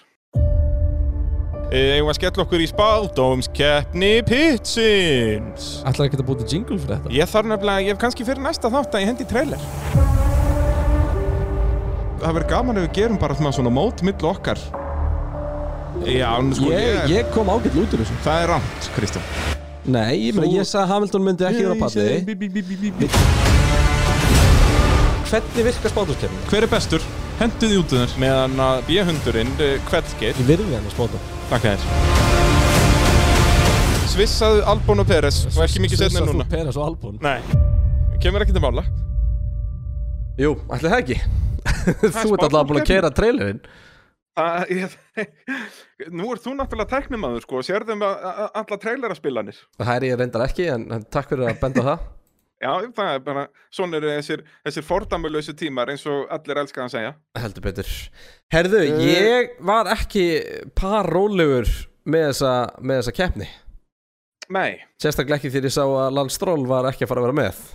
nei, hann var fastur á klósettinu Ég Og skal svo- gefa þér það samt að ég, ég, ég skal skipta á stról og, og hölk Já, og svo myndi mér að ég hefði verið með Albon sem að ég er mjög fegin að muna að ég var ekki með. Ég ákvað að taka það á mig.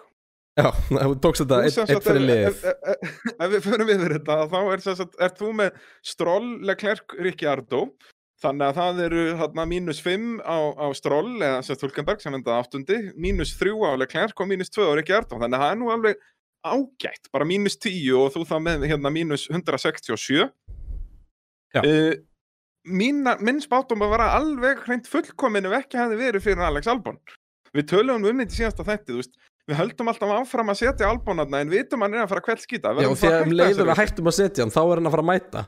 Ég veit það, þetta er agalegt. Ég er sérst með Ricciardo, best of the rest, pá, alveg rétt, 0 stig. Albon setti ég svo á eftir, þannig að það eru mínus 13 stig.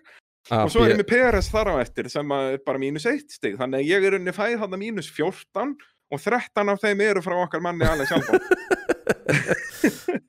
þannig að ég er hérna með, sko ég er ennþá vel á undan þér, ég er með 148 stig, sko, þannig að ég er hérna, hvað, 19 stigum á... Okkur á... er fyrir að vanta, mér fyrir að vanta eina kveldskítu á, á BSL-in. Já, það er svolítið svo leiðis, en, en þetta var eins og ég segi, þetta var, þetta var skita hjá mér með albún en ekki kveldskita. Já, pretty much. Það er óvægt að segja það. Þannig að, að já, þá er komið að, að fyrir okkur að spá um næstu keppni og ótrúlegt að satt, þá er ég búinn að undirbúa mig. Ég er búinn að fram. það, ég er það ekki. Ég ætla semst að spá Ricciardo aftur að vera best of the rest. Svo Já. ætla ég að henda Peres í, í fymta setið og Norris þar á eftir. Ég- Mér fannst McLarenin er að standa sig það vel núna að, já, þeir eru að skili sjátt á þarna að vera, ég hendi Norris þarna á eftir. Það er sjúklega pyrrandi að þú sést að hendi þetta, sko. Þá verður þú að gera eitthvað annað. Sko um, Brautin sem við erum að fara á er svolítið hún, það er ekki hægt að segja neitt lengur um hvaða braut henda hvaða bíl. Nei, nei, og Það er bara þessi ekkert- braut er alveg spurningamerki. Já, en, en á- þú veist, ég er náttúrulega búin að kynna með brautina og, og hún er svona svolítið háhraða, hún er svona þú veist, ég upplýði svolítið svona blöndu af, ég ætla að tala um þetta aðeins betur eftir ég upplýði svona smá blöndu af, þú veist, Bahrein og Katalóni Já, um, Það er mikið að hárhraðadóti en það er líka svolítið að láhraðadóti en það er líka langu beitkabli þannig að veist, þetta er mjög, ég er mjög spenntur fyrir þessu braut ég ætla bara að segja það. Já, já, ég líka, þetta voru líka bara að fá eitthvað nýtt, þetta verður geðveitt. Að mörgu leiti er hún ekkit ósvipu brautinu sem vorum að koma að þannig að þú veist, fyrir utan hitastíð sem að henda þessum bílum þá er ekkit ólíklegt að þetta verði eitthvað í þessa átt eins og Já, þú ert að segja. Um,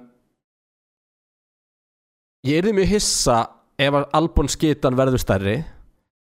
Ég Já. er þið mjög hissa ef að Ferrari ná að vera á þessu svæði en samt ekki. Þú veist, það er ekkit, það er margt alveg í áttina að til dæmis hérna Mugello. Þú veist, hraðar, flæðandi Já, upp í að niðri móti beigur, þú veist, það er svona það er alveg ímislegt sem spilar inn í. Og fyrir mér er þetta Samt er hefi bremsusmæði og svona, veist, er Já, já, já, já, ég er, ég er ekki að segja þetta sé alveg eins og Mugello sko. Þetta, þetta er bara góð blanda þessi braut, þetta er bara góð kapparsbraut.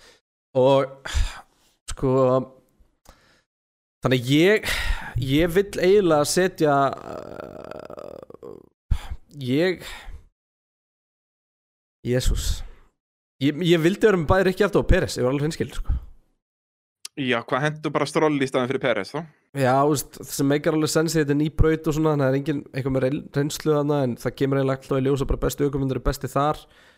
Um, Ég ætla að skjóta á að Sainz verði góður þarna. Uh, ég, er Það ekki, er ekki, ég er ekki að setja hann fyrstan samt sko.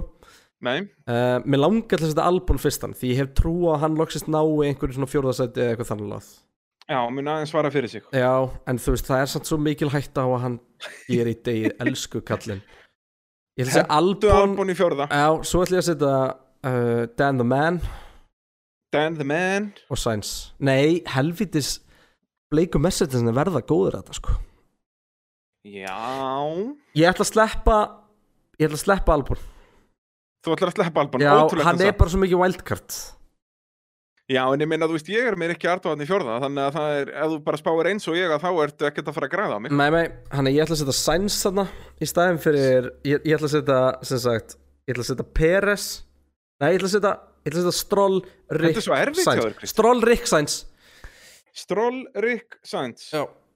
Bara bing, bara boom Þá bara kemur ljós í, í næstu keppni hvernig þetta fer allt saman út að það verður náttúrulega eintóm veistlega. Förum aðeins yfir þessa braut hérna, já, eftir bara þetta hér.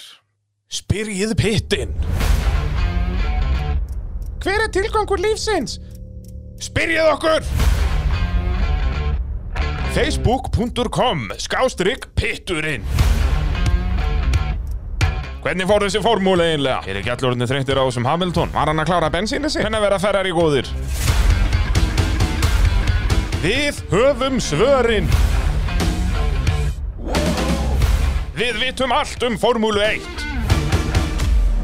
Jú, það eru Facebook-kommentin góðu og, og alltaf gaman að sjá öll þessi komment sem við fáum hérna á Facebook-síðun okkar, pitturinn á, á Facebook, endilega skella like á það og vera með í umræðinni. Uh, Sindri Fannar spyr, uh, sagt, þetta er alltaf sama sagan bara með Red Bull og Albon, við fórum svolítið yfir þetta áðan að þetta er bara orðið vandræðalegt. Og ekkert svo sem meira að segja um það, Kristján, eða? Nei, þú veist Ég bara, ég get ekki nýðist meira á þessum dreng sko Nei, það er svolítið svoleiðis. Andri Snær spyr uh, um Rikki Art og hefði ekki verið gaman að sjá hann taka sjúi á, á pallinum. Hann náttúrulega klinkaði á því.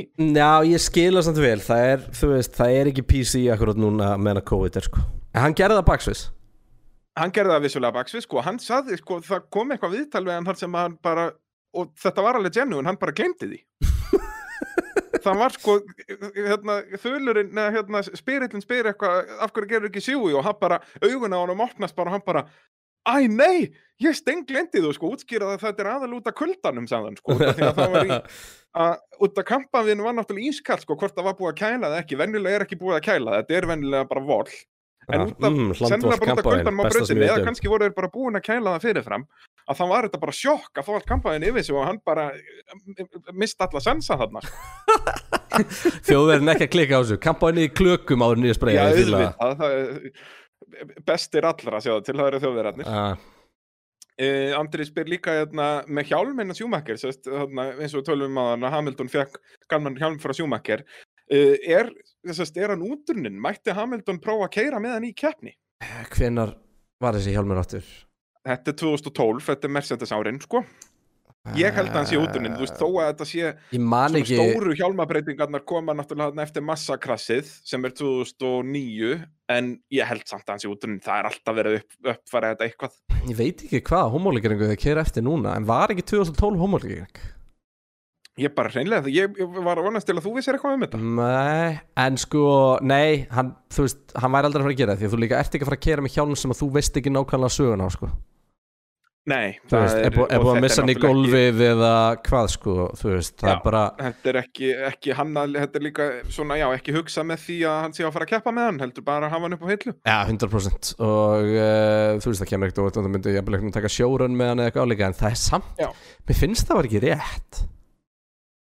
Þetta er, er heiðusvottur, sko, þú átt ekki að nota þetta. Hamilton ætti ekki einhvern veginn að taka sjórun, já, ég er eiginlega sammálaðið, þetta er svona pínustegt. Já.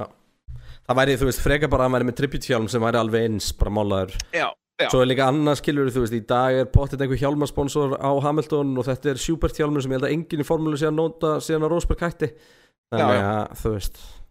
En mér fannst pínu steikt að þetta væri message hjálmur. Er það? Já, ég hefði viljað sjá sko gamla, gamla Ferrari rauða, hvíta og bláa. Já, alveg, já, þegar hann var hvítur en ekki rauður. Hann var alltaf rauð, já, hann var hvítur en með rauðu í samt, sko. Já, bara rauð í þýska fánanum, Já, skilur. þú veist, ég hefði viljað sjá Ferrari hjálm. Já, en þú veist, að ég veit ekki, þess að þess að, Mér hefði bara þótt að meiri, meiri virðingavottur að Ferrari juniorin hefði komið Ferrari pappahjálm handa legendinu sem Já. er að kera fyrir erki óunin. Akkurat og líka bara út af þá náttúrulega, hann vann alltaf þess að titla með Ferrari, sko, fyrir utan hann tvo með Benetton, að að, hérna, það hefði verið meira kannski svona symbol, já, en líka alveg svona uh, symbolika hann fær hann hjálm út að hann náttúrulega Hamilton tekur við af Schumacher hjá Mercedes. Já, já, og ég enda þetta skiptir engum máli, þetta er bara legendary Nei, nei, sama þetta- hvernig á það er litið. bara smá svona stund þarna. Uh, Kristinn Snær spyr, er Rikki Árda búin ákveða tattúið? Við fórum líka svolítið yfir þetta á hann, hann ætlar að hafa þýst þema í þessu og eitthvað sem tengist honum, en það er ekkert staðfest í þessu held ég. Já, já, það er gott, það er gott. Það er uh, dásamlegt. Ég fíla þá pælingu. Já, þetta, ég, ég er svo peppaðar að sjá hvernig þetta tattúminn líti út, að það er alveg, ó, þetta verður geð, geðvikt. Jón Ægir spyr, þetta er alltaf sama sagan með, sama Albon sagan hérna, hvað er Albon að gera Red Bull þegar Hölk er laus og, og kannski ræðum þetta þess að það er alveg núna sterkar sögursögnir að Hulkenberg sé að fá þetta Red Bull Já, bara fór síðan á autosport í morgun. Já, Uh, ekki að hann sé að fara að fá það heldur, hann sé bara inn í myndinni. já, akkurat, akkurat. Þannig Og mér finnst það bara dásamlegt. Já, það er bara geggjum. Uh, Elvar Freyr spyr hvort myndið við vilja sjá Hulkenberg eða Peres í þessu Red Bull seti. Ég er nefnilega eiginlega frekar myndi, ég held að veri betra fyrir Red Bull að fá Peres. Já, ég bara fíla Hulkenberg miklu meira. Já, ég veit að ég er nefnilega samanlega þar, ég fíla hann sem personu, en, en þú veist, ef við verið Helmut Markov myndi ég frekar vera að horfa á Peres. Já, það er alveg valid punktur, sko. En það væri bara svo dásamlegt að fá Hölkin aðna. Láta hann hérna, loksins fá velunapallin sinn og, og allir sáttir, sko. Það verður að gerast. Já, það er svolítið svoleiðis. Og ég sá Uh, svo ógeðslega fyndið tweet einhvers staðar um daginn ég er bara búin að gleyma hvernig það var en það var eitthvað hérna, þú veist, hversu iconic er það, til að tala um hjálma pælinguna mm Mhm. hver, hver var það, var ekki Luka Badóer sem á metið fyrir flestar keppnir án stiga og bara hversu iconic verið ef Luka Badóer myndi mæta og gefa George Russell hjálm Russell er búin að gera fleiri keppnir án stiga Vá, þetta er, vá hvað það er þið fyndið. Það er þið dásamlegt. Ó, Luka Badói, það var nú mest, mesta grín sem ég hef nokkuð tíma séð þegar hann fekk Ferrari sæti í tveimur keppnum og enda í betur. sæti í bæði skipti. Það var samt Ó. eitthvað svo magnað að bara einhver aukum að gæti gert það því að til dæmis að horfa á Hulkenberg hoppa núna upp í, upp í Racing Point og ná samt í stig Já, já, þannig Það að- er bara, það sýnir gæðin í þessum Badói gæja. Emmett Uh, annað með hjálmapælingar, ég glemt að minnast á þetta áðan, með uh, hjálminn hjá Vettel, hann var ótrúlega flottur. Já, geggjær Og líka með hjá hérna 3D-print af Þess að sjúmakker hönnunin en samt með sko, sína liti yfir það. Já, það var mjög töff og svona undir einhvern veginn, það var geggjað En svo Já. líka náttúrulega hérna hjá McLaren bræðrum Já, þeir voru með hérna svona arti Já, máluð er ekki sjálfur, ég held það Jú, eða fenguð, þú veist, er ekki Norris alltaf með ykkur að krakka í þessu Nei, fyrir sig? ég, hann er náttúrulega bara að mála með þeim á leikskólanum En hérna, Já, en, er bara að pikka hann upp á festudegi úr leiksvalanum og já, færðin í bílinn. já, en hérna En uh, þetta var eitthvað að hjálmandi voru oxunaðir síðan og eitthvað líka Já, Þannig akkurat, akkurat. Uh, Viðar Kristinsson spyr, ykkar pælingar um hvori betri hammi eða sjúmmi? Við fórum svo sem líka eins yfir þetta áðan að, að náttúrulega erfitt að bera saman. Ég persónulega er Hamilton maður en, en ég, ég, mér finnst Schumacher ennþá vera herri en, en Ég Hamilton held vil ná þessu. að Schumacher muni koma út fyrir hún Er það svoleiðis? Hvernig þá? Útskjörðu það aðeins? út af því að Schumacher beigði Ferrari í það veldi sem hann var hann var einn af þremur líkil póstunum sem gerðu Ferrari að því Ferrari sem að á þúsundir að, að miljónir aðdóðand út um allan heim í dag. Mm Já. Hamilton var púsl í púsluspilinu við að gera Mercedes að því og ekki miskil mér, ég er ekki að segja að Hamilton hafi ekki haft input þar. Mm en Ferrari liði var í mólum þegar Schumacher og Tott og Braun koma þangað inn. Já, já. um, Hamilton hins vegar lappar inn í lið á algjöru, algjöru uppseflu og ég skrifa í raun og veru framgöngu liðsins meira á sko Mercedes HPP High Performance Powertrains og hérna Já. sem er vélaframlegandinn og svo á Toto Já, og, þetta er enda mjög góða punktur. og á Rosbrón Já. Já, já, Sem ég gleyma því að Ross Brawn var 2013. Já, og Ross Braun var stjórinn þegar að Hamilton vinnur fyrstu keppnum fyrir Mercedes, sko, mikið gleyma því? Já, já. Þannig að, að fyrir mér þá, þá sko var Schumacher starri hluti af Ferrari heldur en Hamilton er af Mercedes og ég er alls ekki að gera lítið úr áhrifum Hamilton hjá Mercedes.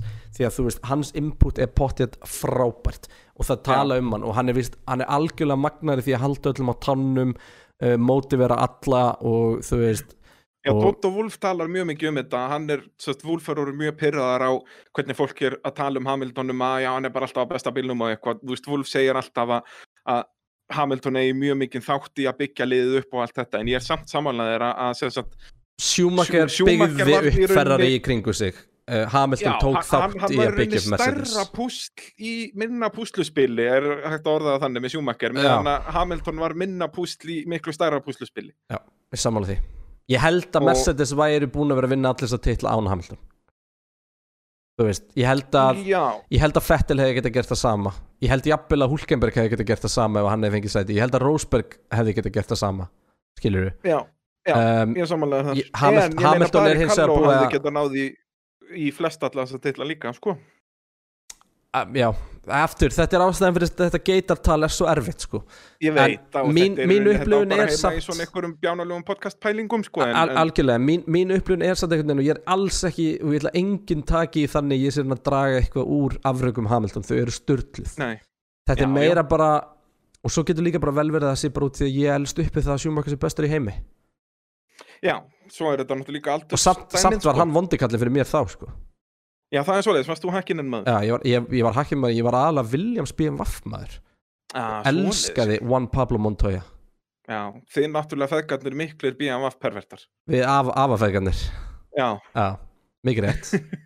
Það er svolítið svoleiðis. Já, Það er nefnilega að- pappi minn var, var sjúmakar maður sko, einfallega bara vegna þess að allir vinnir hans voru hakkinan menn og Já. hann vildi vera leiðilegi gæinn. Ég hef heyrt alls konar sögur af alls konar bífi Ég hef heyrt með einhverja sögu af einhverju múrara sem var að ganga frá húsi hjá vini sínum og múraði Ferrari-merki inn í veggin hjá McLaren manni og eitthvað svona Það var... var- þetta náttúrulega bara, þarna í þjóðfélaginu á þessum tíma var ekki verið að tala um Liverpool og Manchester United, þarna var þetta bara Ferrari að McLaren. Já, og þú veist, og bara ömmur voru að vakna um helgar öll að horfa á Suzuka og eitthvað svona dót, sko. Já, já, og bara skilur að bett í gangi bara, hefur þú færðir McLaren logoðu tattúar á þeir ef að þeir verða meistarar og allt þetta skilur, þetta var bara the talk of the town eins og maður segir. Já, magna.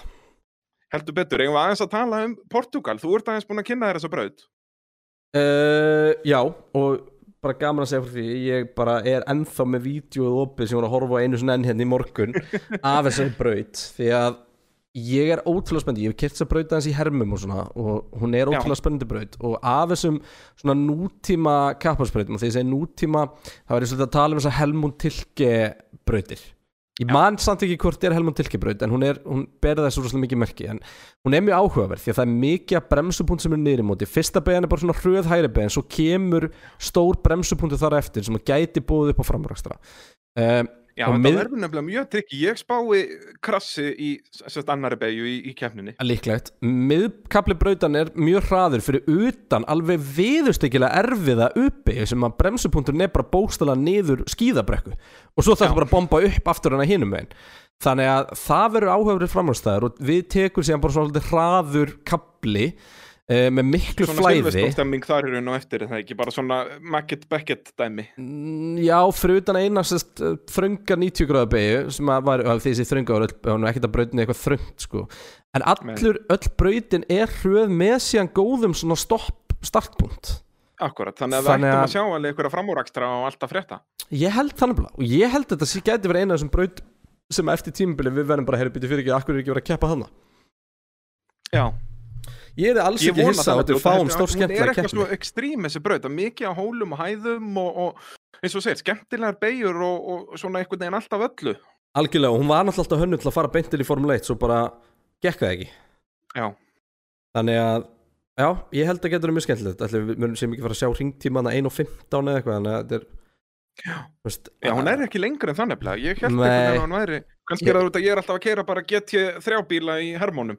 Já. Þá er þetta 1.40 Það eða var eitthvað. svolítið löng sko ég, hérna, A1 allavega var áspóltímin hérna árið 2010 Hvenær var þetta? 2000 og Hvenær var það? 2010 eða 2008 eða eitthvað? Ég þekki þetta ekki, sko. Allavega, þetta er samt nýjif, þetta er ferrar í A1 bílinn sem ombordið til á netinu Já. og hérna og uh, já, þetta er bara Bara bara virkilega spennandi og, og ég þetta er svona, ég var rosalega ánær því að sá þess að braut koma inn út af því ég var bara spennt Já, ég líka. það er bara, já, mér var alltaf langað til að sjá kapastræðina Já, og við fáum það núna loksins. Uh, fer þetta þá ekki að vera komið bara ágætt núna? Jú, ég, ég held það. Hvenar eru við aftur, er ekki hvenar eru við aftur í eh, er það þannig næstu ekki Ég held að það sé þar næstu aftur. Núna fáum við sko, það er ekkert verið að dekra við okkur og það er aftur sem sagt ein vika á milli og það er, keppnin er hérna 23. til 25. oktober Já. í Portugal. 25. Þannig að við fáum aftur hérna eins vikna frí.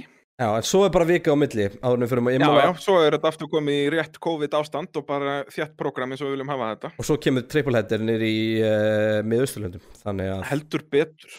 Þannig að það er Og bara svo flott bara koma jól og svo bara kemur pre-season testing og svo bara, þú veist, ó, þetta er svo dásamlegt. það er ekki nema 5 keppnir eftir það er ekki nema 125 púntar í, í, í uh, sarpnum fyrir ökum Já, já, það er bara, hérna Hamilton getur verið að tryggja sér titilum bara hann á ímóla.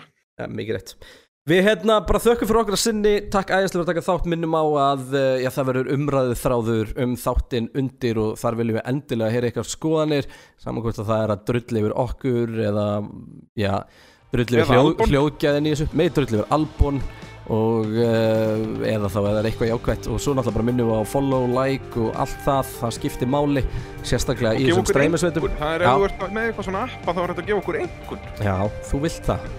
Já, ég elska að fá fimm stjórnur, sko, það er ekkert sem ég elska meira.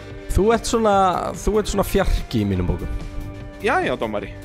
En ég ætla ekki að segja hvort það er af 5 eða 10 Petur, þakka fyrir sig að sinni Við, uh, já, heyrumst eftir Portamá